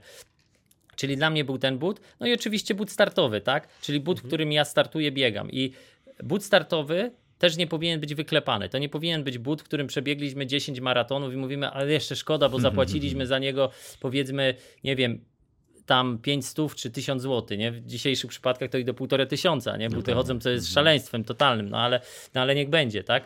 Jeżeli kogoś na to stać, nie? Bo dlatego, że każdy but startowy traci swoją, gdzieś tam po przebiegnięciu iluś tam maratonów traci swoją e, sprężystość, swoją dynamikę. Ja na przykład jak biegałem e, w butach niekarbonowych, to takie buty maksymalnie używałem na dwa maratony, na dwa starty. I wtedy czułem, że ten but jest dynamiczny. Jak zakładałem go Kilometrowa żywotność jest po prostu krótsza. do 100 no. km można powiedzieć jest taka pełnia dynamika takiego buta startowego, który był. No te buty, które mamy teraz, one mają grubą, dużą ilość pianki, tak? No dawniej to były, ta pianka była, słuchajcie, miała maksymalnie tam, nie wiem, 2,5 cm, 3 cm, nie? No to, to, to, to A teraz niemal wszystkie zaczynają hoki przypominać. No. No zaczynają przypominać, jak widzimy tej pianki jest tutaj dużo, e, ale jest to dobrze, dlatego że chronią naszą, e, nasz układ mięśniowy, nie? Nie każdy Jeżeli mamy, jak widzimy, ty. zobaczcie, tutaj y, mamy 1080, który ma tutaj dużą ilość pianki, no to i z przodu też, no to on, on y, y, chroni nasze mięśnie przed tym uderzeniem o asfalt czy o twardą nawierzchnię, tak? Często na przykład ludzie się skarżą, że na początku jak przychodzą do mnie amatorzy, zaczynają biegać, mówią, no bóle mięśniowe, bóle mięśniowe, tak? No najczęściej wiecie, czy- czym są spowodowane? Ja pytam się, a kiedy zmieniałeś buty? No rok mam, ale mi jest żal, bo takie są wygodne, fajne, ale są wyklepane. Ułożyły się, na, tak. Ułożyły się, nie? No, ale mięśnie, ale słuchajcie, mięśnie padają, bo są wyklepane te buty, więc trzeba zmienić na buta, może nie aż tak drogiego, ale buta, powiedzmy, lepiej kupić dwie pary tańszych butów, powiedzmy, które będą e, trzymały swoją dynamikę, albo buta markowego, dobrego, którego wiemy, mamy wytestowanego, że on nam wytrzyma ten okres, nie jest wyklepany, niż biegać w bucie, słuchajcie, wyklepanym i łapać kontuzję, nie? Powiedz mi, co byś zmienił w polskich biegach długich, żeby wyniki znowu zaczęły padać? No te wyniki w pewnym momencie padły, tak? e, W No piątka, fajne. dycha, Aha, co wiesz, to tutaj. polskie biegi długie jako, jako całość asortymentu wręcz. Słuchaj, no jest to bardzo głęboki temat, bo No jest tak Krystian naprawdę... Zaleski, który regularnie Tak, biegał jest- wyniki. jest- jest Był Radek Popłaski, który biegał superbelki. No to jeszcze Tak. to jest taka powiedzmy nowe stulecie y, Ja, zawodników. ja mogę powiedzieć tak, że e, nie interesuję się tak naprawdę, jak wygląda w tym momencie e, aż tak bardzo system szkolenia, bo tak naprawdę za system szkolenia tych młodych zawodników odpowiada Polski Związek Lekkiej Atletyki, nie my. My tym zawodnikom, jako my, może źle to mówię, ale Centralny Wojskowy Zespół Sportowy czy wojsko, tym zawodnikom ma karierę przedłużyć i e, dać im jak najlepsze warunki do tego, żeby mogli ją kontynuować. No ale to jest A system- Aleksandra Lisowska chodzi. No chociażby, którą tak naprawdę gdzieś tam jako. Czy komfort kariery. Tak, komfort kariery, czyli tam powiedzmy pensja, obozy, jakieś tam szkolenie, tak, dodatkowe, które mamy moim zdaniem na bardzo podo- podobnym poziomie jak e, Polski Związek Lekkiej Atletyki, bo jak ja słyszę, że na przykład teraz zawodniczka czy zawodnik, ale głównie zawodniczka, tam powiedzmy, nie będę używał nazwisk, ale która jest naprawdę na 800 metrów, powiedzmy przyszłościową, która może biegać naprawdę bardzo dobre wyniki, ma cztery obozy krajowe, to ja powiem wam panowie, to jest śmiech na sali. To jest śmiech po prostu na sali. Jak, kiedy ta zawodniczka ma się wytrenować, kiedy, kiedy jej mają być stworzone warunki do tego, dlaczego ona nie ma właśnie wyjechać w góry, czy nie ma na przykład, no teraz mamy hipoksję, więc mamy ten temat taki powiedzmy, że oni mogą skorzystać z tej hipoksji. E, ale też nie do końca, bo stawki właśnie w Pezla są na przykład takie, że ci zawodnicy, co niektórzy muszą dopłacać nie? do tej, No, do tej oczywiście. więc to jest, to jest, to jest Absurd. następny śmiech, absurd w ogóle totalny. Bez Czyli wyjeżdżania za jeżeli- granicę mogąc trenować tu. Dokładnie, mogą trenować Na tutaj. miejscu wygoda, więc- no wszystko. no to dlatego mówię, więc dlatego my na przykład y, przed tym y, takim bardzo dobrym y, sezonem, czyli y, kiedy zawodnicy w Dębnie pobiegli właśnie te wyniki 2.10, y, Gardzielewski, Karbowiak właśnie bardzo dobre wyniki po Co 2.10. wtedy nie było tabelek z Excela. Dokładnie. E, całe jak gdyby trzy tygodnie siedzieliśmy tutaj w Warszawie w Erzonie właśnie trenując w hipoksji. E, Nie mogliśmy wtedy wyjechać, bo, bo pandemia, bo pandemia i, i te sprawy, więc, więc e, tu wpadliśmy na taki Ale to pomysł, że znakomity wykorzystamy test, hipoksję. y, czy to się sprawdza. No. No, No, znakomity test, bo się sprawdziło, No nie? no właśnie. bo wpadły wyniki po Na pewno, 2.10 no. i znakomity test, bo się sprawdziło. E, wiadomo, że, to, e, że, że, że jak wszystko, bo to w tym momencie dla nas to jest nowość, tak? Ale widać, że nowość, która daje efekt, Mhm. e, trzeba wszystko dopracować, tak? Badaniami i w ogóle wszystkim, tak? Henryk, je- to, to od 13 roku przecież cały czas trenowałem w hipoksji. No, działać działa. No, no właśnie, no tak jak mówię, nie? Także, także najlepszym, najlepszym dowodem było na to, że hipoksja zadziałała, jest właśnie, są właśnie wyniki z Dębna, które padły w bardzo dobre wyniki po 2.10 właśnie minima olimpijskie, nie? No to co tu lepszego chyba, jak gdyby lepszej reklamy, lepszego efektu nie trzeba. No ale wracając do tematu, jeżeli tego szkolenia, tak? E, tych zawodników jest jak gdyby mniej. I jak widzimy na system szkolenia, to też wydaje mi się, przynajmniej mi, może źle mówię, ale że coś jest nie tak z tym szkoleniem. Bo to wygląda jak system szkolenia za oleśniczanki Kiryka, cztery obozy krajowe w Szklarskiej Porębie. Znaczy nie, no przepraszam cię bardzo. Tutaj ci niestety, e, tutaj z przekazów moich e, kolegów, którzy biegali w Oleśniczance, to tych obozów było aż właśnie za dużo.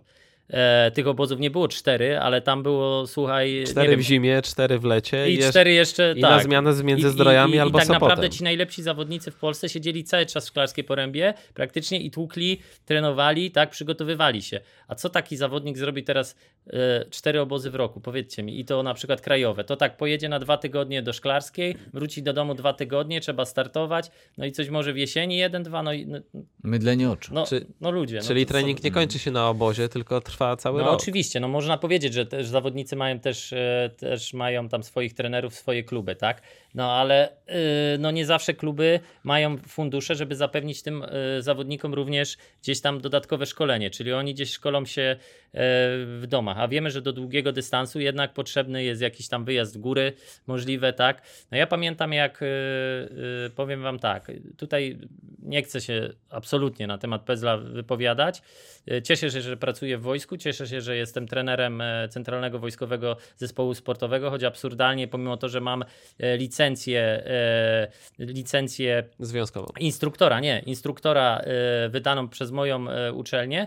Przez Polski Związek Lekkiej Atletyki nie jestem uważany jako trener ani nawet instruktor, dlatego że nie mam licencji Polskiego Związku Lekkiej Atletyki, To jest- czyli nie to- mam to jest wolny papieru, zawód. czyli nie mam papieru. To jest wolny zawód, ale nie jestem wpisany niestety w Nie rejestr jesteś trenerów. ujęty w rejestrze. Nie jestem ujęty w rejestrze, bo nie, nie zapłaciłem odpowiednich funduszy, Ale- jak gdyby za licencję PZLA, a mam licencję instruktora Mhm. y, z uczelni, tak, którą kończyłem, więc no, Czyli twoi zawodnicy biegają 2.10 i nie jesteś według Związku Trenerem. nie to jestem ciekawe. trenerem. No, jestem, jestem trenerem I zawodnika. to nie Wytreno- jest odosobniony przypadek. no Nie tak, nie, nie. nie, wytrenowałem zawodnika, który, który zrobił minimum olimpijskie, Kamila Karbowiaka, 26-latek, który pobiegł w Polsce, nie w jakichś super warunkach, w Polsce pobiegł 2.10.30, tam 4 e, i i, I- przez Pezla nie jestem uważany jako trener. Czyli nie mam umiejętności, pomimo to, że wytrenowałem, to nie mam według nich umiejętności No, trenerskich. tak? Mam nadzieję, że zaczną się od ciebie uczyć w takim razie. No nie, no, jest oczywiście kilku dobrych trenerów w Polsce, bo jest,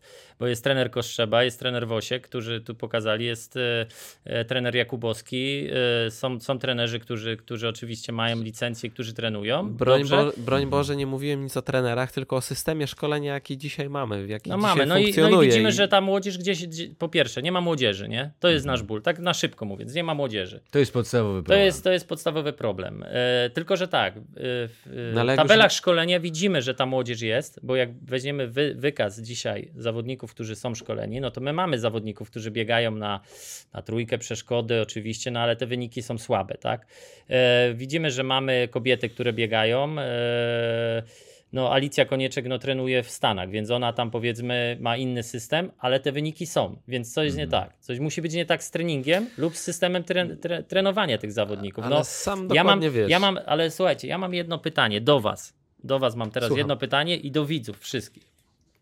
Jeżeli mamy taką sytuację, że ktoś pracuje w danej firmie i ta firma ponosi straty, czyli tak jak w Pezla, zawodnicy powiedzmy nie biegają tych długich dystansów dobrze, a odpowiada za to jakiś człowiek, który ma za to odpowiadać, a oni się uwsteczniają, bo w tym momencie my patrzymy na totalny upadek polskich biegów długich, totalny upadek.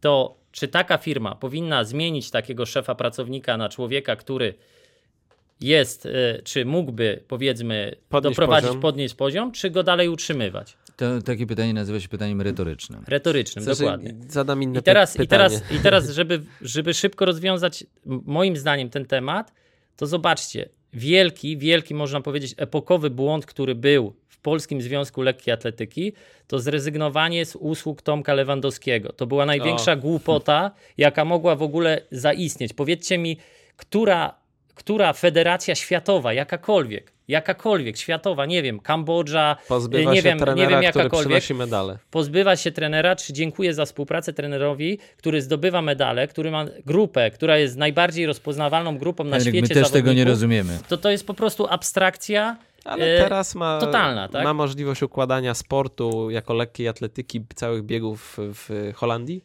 W Danii chyba? Czy w, Holandii. W Holandii, Holandii. tak. No i tam już ma zawodnika, który biega na poziomie, słuchajcie, 13, tam 30 parę piątkę juniora, tak?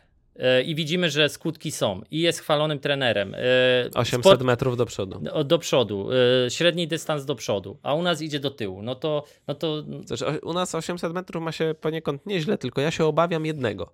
Bo tak jak i ty, ja zdajemy sobie sprawę, że żeby zrobić zawodnika, to trzeba pojechać. Dwa obozy zimowe, czyli grudzień, styczeń, trzeba wyjechać za granicę do ciepłego. Trzeba e, w przypadku biegów średnich, długich e, minimum e, absolutnie cztery obozy w ciągu roku mieć, hipoksja, wysokie góry. E, I to są, wiesz, ja byłem zwolennikiem siedzenia głównie w hipoksji w symulacji wysokogórskiej. Inni więcej, tak jak Marcin, wyjeżdżali w góry i wiesz, ale jakby to są Ale- meto- metody ale- znane i potrzebne. Słuchaj, to jest tak, ale z drugiej strony się nie zgodzę rocznie. z tobą. Ale ja się z tobą nie zgodzę z drugiej strony. Bo nawet patrząc na to, że możemy trenować w Polsce, bo możemy trenować w Polsce, to dlaczego ci zawodnicy, którzy trenują z tymi ludźmi, biegają na tak niskim poziomie?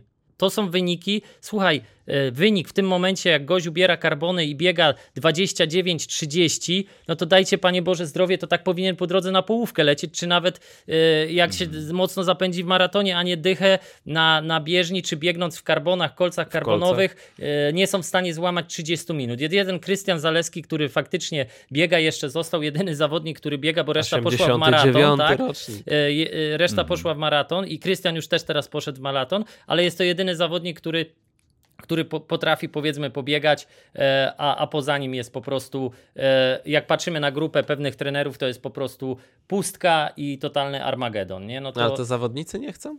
Myślę, no jak mogą zawodnicy nie chcieć? No moim zdaniem, no coś tam jest nie tak, tak? No bo jak może zawodnik Systemowo. nie chcieć biegać e, treningów? No coś musi być nie tak z systemem, nie? No to taka analiza powinna należeć do Polskiego Związku, do, do, do szefów, bo ja nie twierdzę, że to jest problem e, jak gdyby, Tylko- że to nie jest wina Polskiego Związku, inaczej, że to nie jest wina... Tylko braku e, świeżego spojrzenia. Właśnie, braku świeżego spojrzenia na temat, no bo oni powinni zobaczyć, popatrzeć na to i powiedzieć, nie no gościu, słuchaj, miałeś na przykład możliwość rozwinięcia e, biegów długich w Polsce.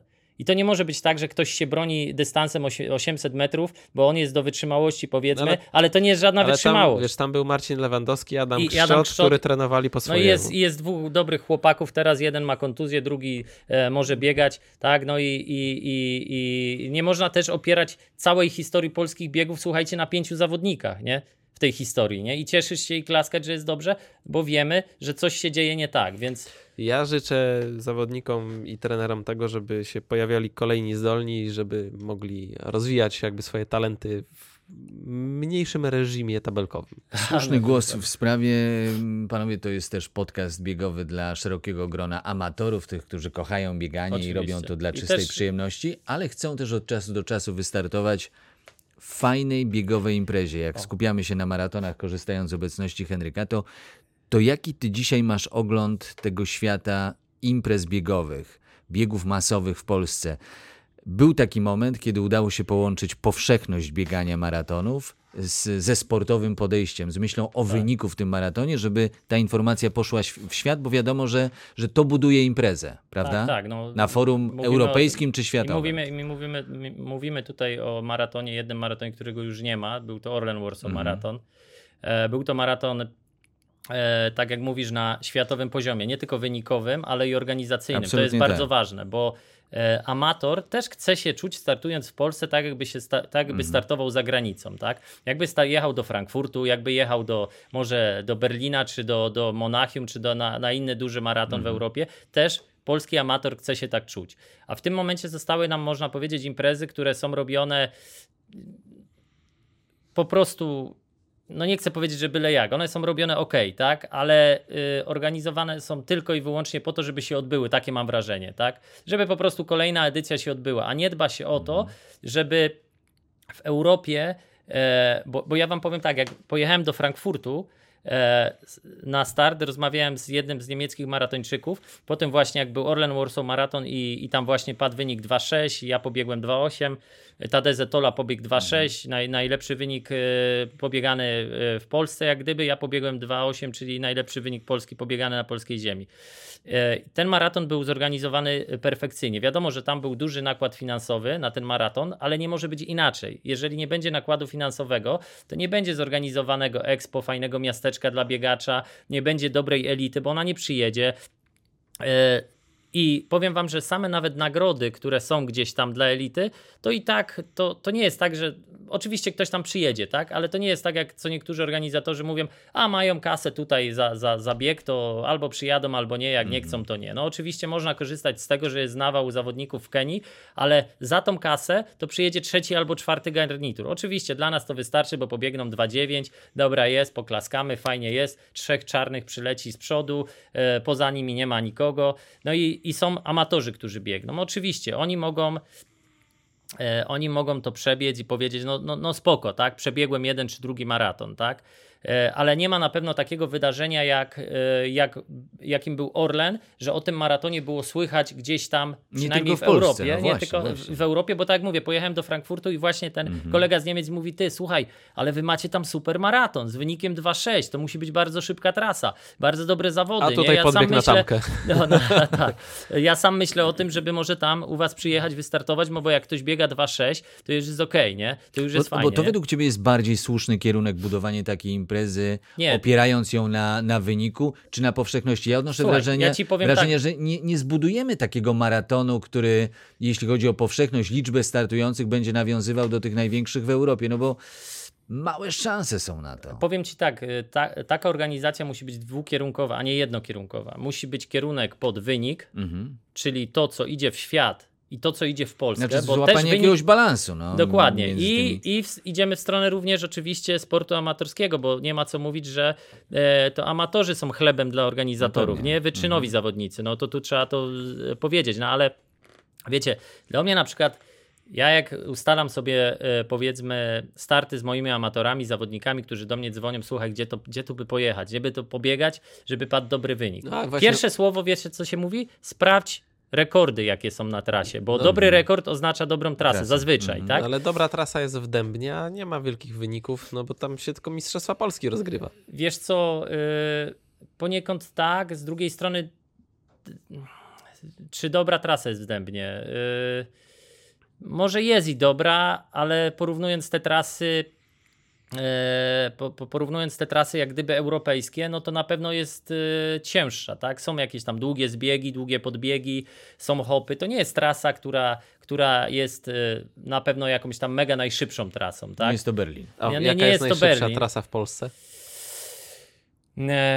Powiem ci tak, e, he, he, he, jaka jest najszybsza trasa? W Polsce mało bardzo biegałem, wiesz, że ja tylko biegałem Dębno i biegałem Warszawę, ale Warszawa pomimo swoich gdzieś tam e, krótkich podbiegów, nawet jak była tamka, nie, to ona była na początku i to jest tak. też i to jest też umiejętność e, zbilansowania tego, bo nawet jak są podbiegi, to one powinny być na początku, tak żeby zawodnik wybiegł na nich na świeżych nogach jeszcze. I nawet ty sobie odpuszczasz, wybiegasz taki podbieg, ale wiesz, że tak jak na przykład w Warszawie były długie, proste, które można było Z biegać. mojego amatorskiego punktu widzenia to Warszawa była rewelacyjna. No Czy tak, jest tak. rewelacyjna? no? Oczywiście jest, a, a po drugie, że porównując, no niestety, Warszawę a, a, a Dębno, Dębno jest najstarszym maratonem, tak? Yy, I bardzo fajnie jest tam pobiegać, ale jest to, można powiedzieć, prowincja, tak? A, a jednak ten, to wow to daje duże miasto jednak, tak? Czyli bieganie w dużym mieście. No, yy, czyli wiesz, ilość kibiców, yy, no inne gdzieś tam też już podejście, tak? No często biegając na przykład małe biegi, jak biegałeś na przykład jakieś tam biegi,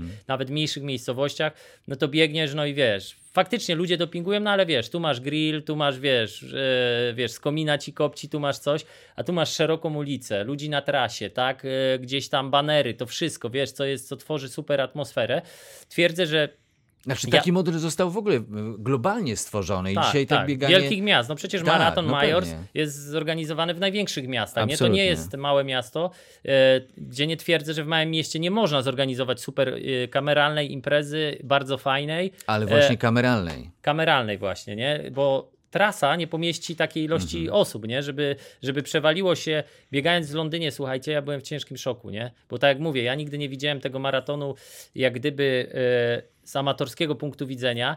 Ja nawet, słuchajcie, nie zdawałem sobie sprawy, że tam się biega w którejś fali, nie? A ja biegłem gdzieś tam w, w którejś fali, ziel, niebieski numerek, zielony numerek, ja nie wiedziałem o co chodzi. Słuchajcie, ja przyszedłem, ja prawie nie wystartowałem, nie? Bo tam w tym Londynie, bo ja podchodzę, tam mnóstwo ludzi, jakieś barierki, strefy, mówię, rany boskie, gdzie tu iść, nie? Zawsze mnie zawieźli na start, a tu chcę wchodzić, tu mnie nie chcą wpuścić, bo ma pan ten numerek, ale tam może pan z tym niebieskim wejść do żółtej, nie? Nie wiem, o co tu w ogóle Cała chodzi. logistyka startowa, tak. No tak, tak, tak, wiesz, logistyka startowa potężna, nie? O co tu chodzi? Mhm. Nie jesteśmy w małej miejscowości w stanie zorganizować takiego właśnie maratonu, o jakim my mówimy, ale już w Warszawie jesteśmy w stanie to zorganizować, tak? Jeżeli, jeżeli to będzie dobrze zrobione i to właśnie pokazał Orlen Warsaw Marathon, tak? I my cały czas jeszcze jesteśmy w fazie uczenia się dopingowania podczas takich masowych imprez. Oczywiście jest z Również. tym e, z każdym rokiem lepiej, ale jak porównamy ten doping na, na wielkich maratonach, no, no w New Yorku to już nie powiem, bo, bo, bo w tym roku to było coś zjawiskowego. Mhm. E, Pamiętamy, że w zeszłym roku e, Stany zostały otwarte dla turystów dzień po maratonie. O. Więc bardzo dużo osób zrezygnowało, nie przyleciało w ogóle do Stanów. W zeszłym roku chyba 30 tysięcy biegła, a w tym roku to było 55 tysięcy. Tak. Ale e, to nie ta liczba największego maratonu, jeśli chodzi o uczestników, ale tego, ile ludzi jest tam na trasie. Przed COVID-em e, szacowało się, że to są 2 miliony kibiców na trasie.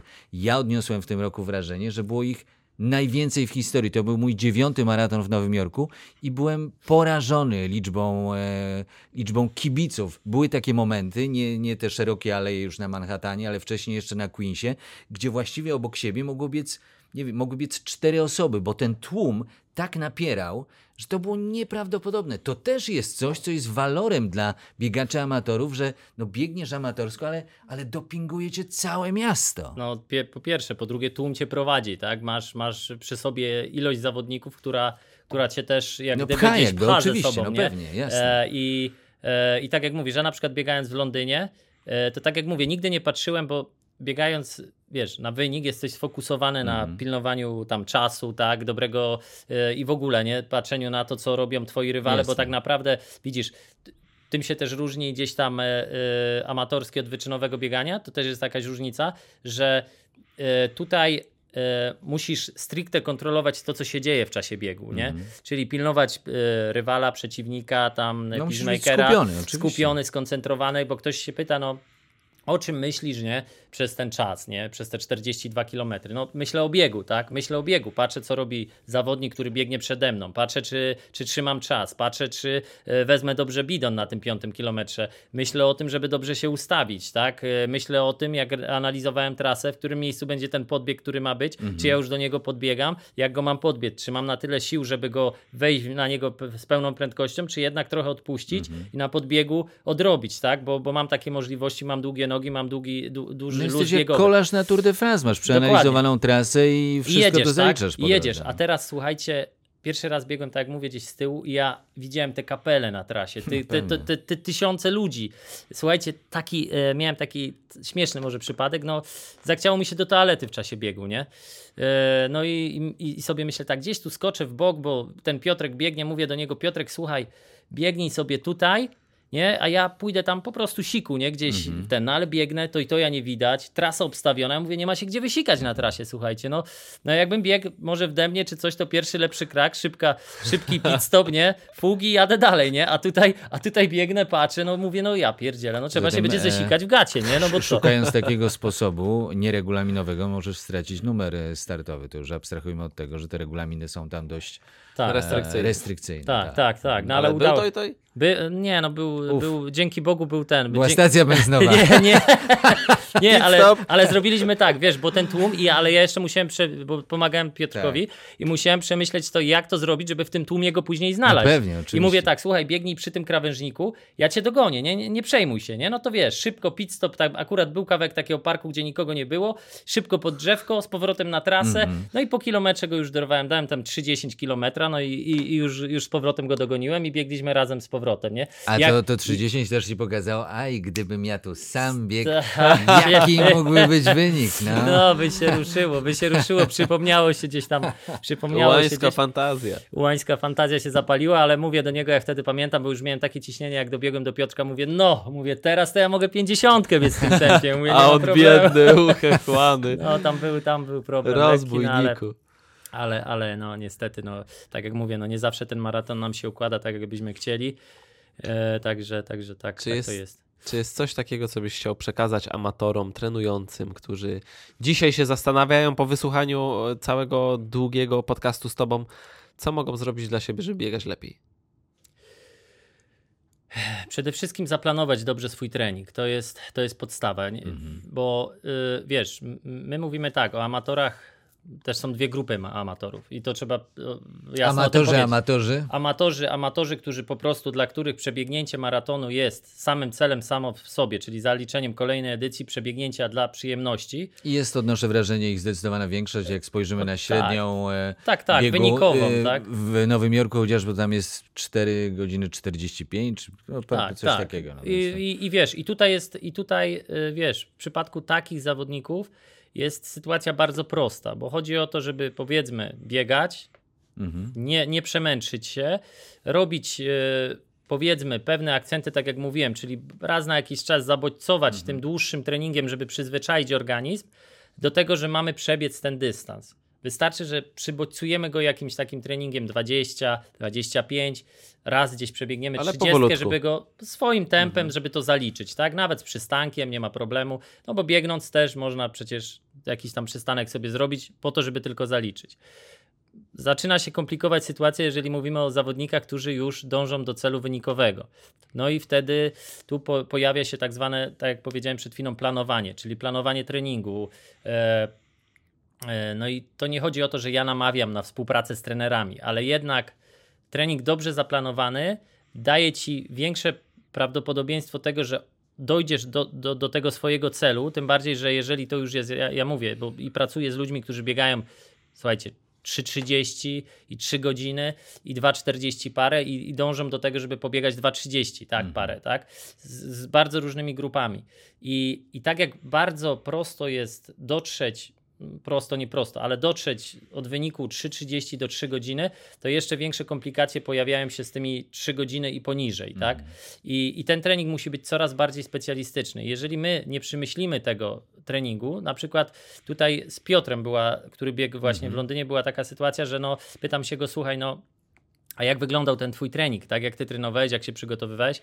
No, miałem tam jakiś plan z internetu, tak? Gdzieś tam ściągnięty, czy z jakiejś tam książki, którą miałem. No, słuchajcie, no jak czytamy książkę na przykład o zawodniku, nie wiem, Prefontaine i chcemy wzorować się na jego treningu, bo on jest naszym idolem, no to nie możemy tego robić, bo my jesteśmy amatorami, on był zawodnikiem wyczynowym. My musimy ten trening mieć dostosowany, tak jak wcześniej mówiłem, do siebie, czyli przede wszystkim jakimś tam sukcesem jest nieprzetrenowanie się, czyli nieprzesadzenie z tym treningiem, tak? E, już w tym treningu specjalistycznym. E, no i dobraniem tego treningu do swojego trybu życia. To jest bardzo ważne, bo my możemy, słuchajcie, trening można zrobić każdy. Jak ktoś wam da, je, je, jesteś fizycznie mocny, wykonasz każdy trening. Co nie znaczy, że się zregenerujesz i osiągniesz dobry wynik. Jeżeli my się nie zregenerujemy, nie, nie zrobimy odpowiedniego jakiegoś tam powiedzmy cyklu treningowego na wyznaczony wynik, który chcemy osiągnąć, czy mamy jakiś cel, no to mogą się pojawić problemy, a wtedy tracimy czas. A to, co mówimy, jak tracimy czas, tracimy lata. Jak tracimy lata, tracimy możliwość pobiegania tego, czy osiągnięcia tego swojego celu wynikowego, bo lata uciekają.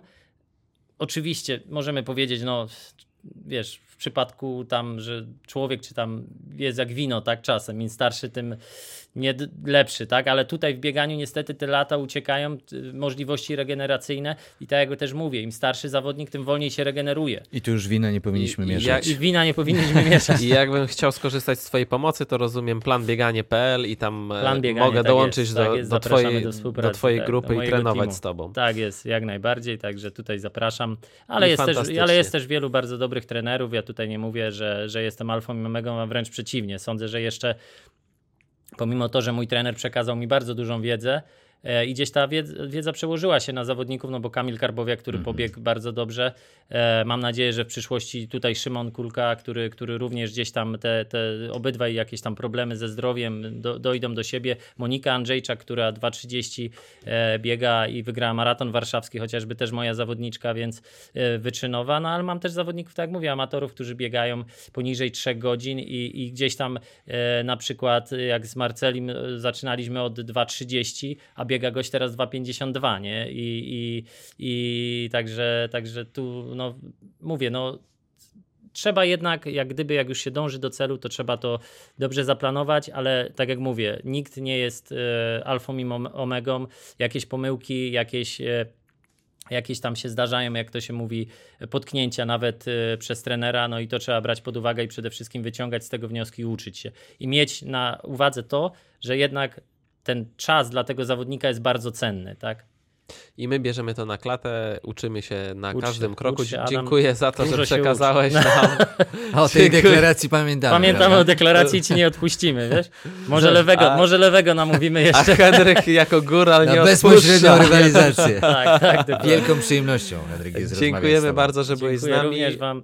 W, Fajnie na, rozmawia się z ludźmi, którzy, e, którzy tutaj też e, czują maraton. Nie, bo jestem czują- mara, maratończykiem, Tak, ale tak. aspirującym. No, jeszcze do na tego nasz- czucia troszeczkę ci brakuje, ale już pomału, pomału, wiesz, jest Henryk, spoglądam na nasz zegar, który mam To chyba będzie w ustawiony. dwóch I odcinkach. Pewnie spokojnie byśmy dojechali do dwóch godzin, siedmiu, ośmiu minut Myślę, w tak, na, że, na no, luzie. wie- Słuchajcie, maraton to jest temat rzeka i w ogóle biegi uliczne, maraton to jest temat rzeka, więc Czyli powinniśmy Więc, e, 2.07 rozmawiać.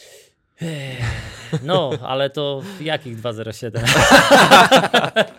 To Bo po na... 207 dopiero byśmy rozmawiali, słuchaj. Przepraszam, Koniec. przepraszam, stop, stop, koniec. Dziękuję. Tak, Pozdrawiam wszystkich, dziękuję wam jeszcze raz za zaproszenie, Dzięki no i serdecznie. miłego dnia. A dla tych, którzy szukają troszkę więcej merytoryki, zapraszamy do nagrania bonusowego na YouTubie w rytmie biegania. Napędza nas e-obuwie. Rozmawiali Maciej Kurzajewski. I Adam Kszczot, cała esencja rzeczywiście w tym podsumowaniu. Oglądajcie wszystkie odcinki, wysłuchujcie ich do końca. Zapraszamy, lajkujcie, subskrybujcie, komentujcie. Bieganie.pl. Słuchaj w rytmie biegania. Podcast w rytmie biegania napędza e-obuwie.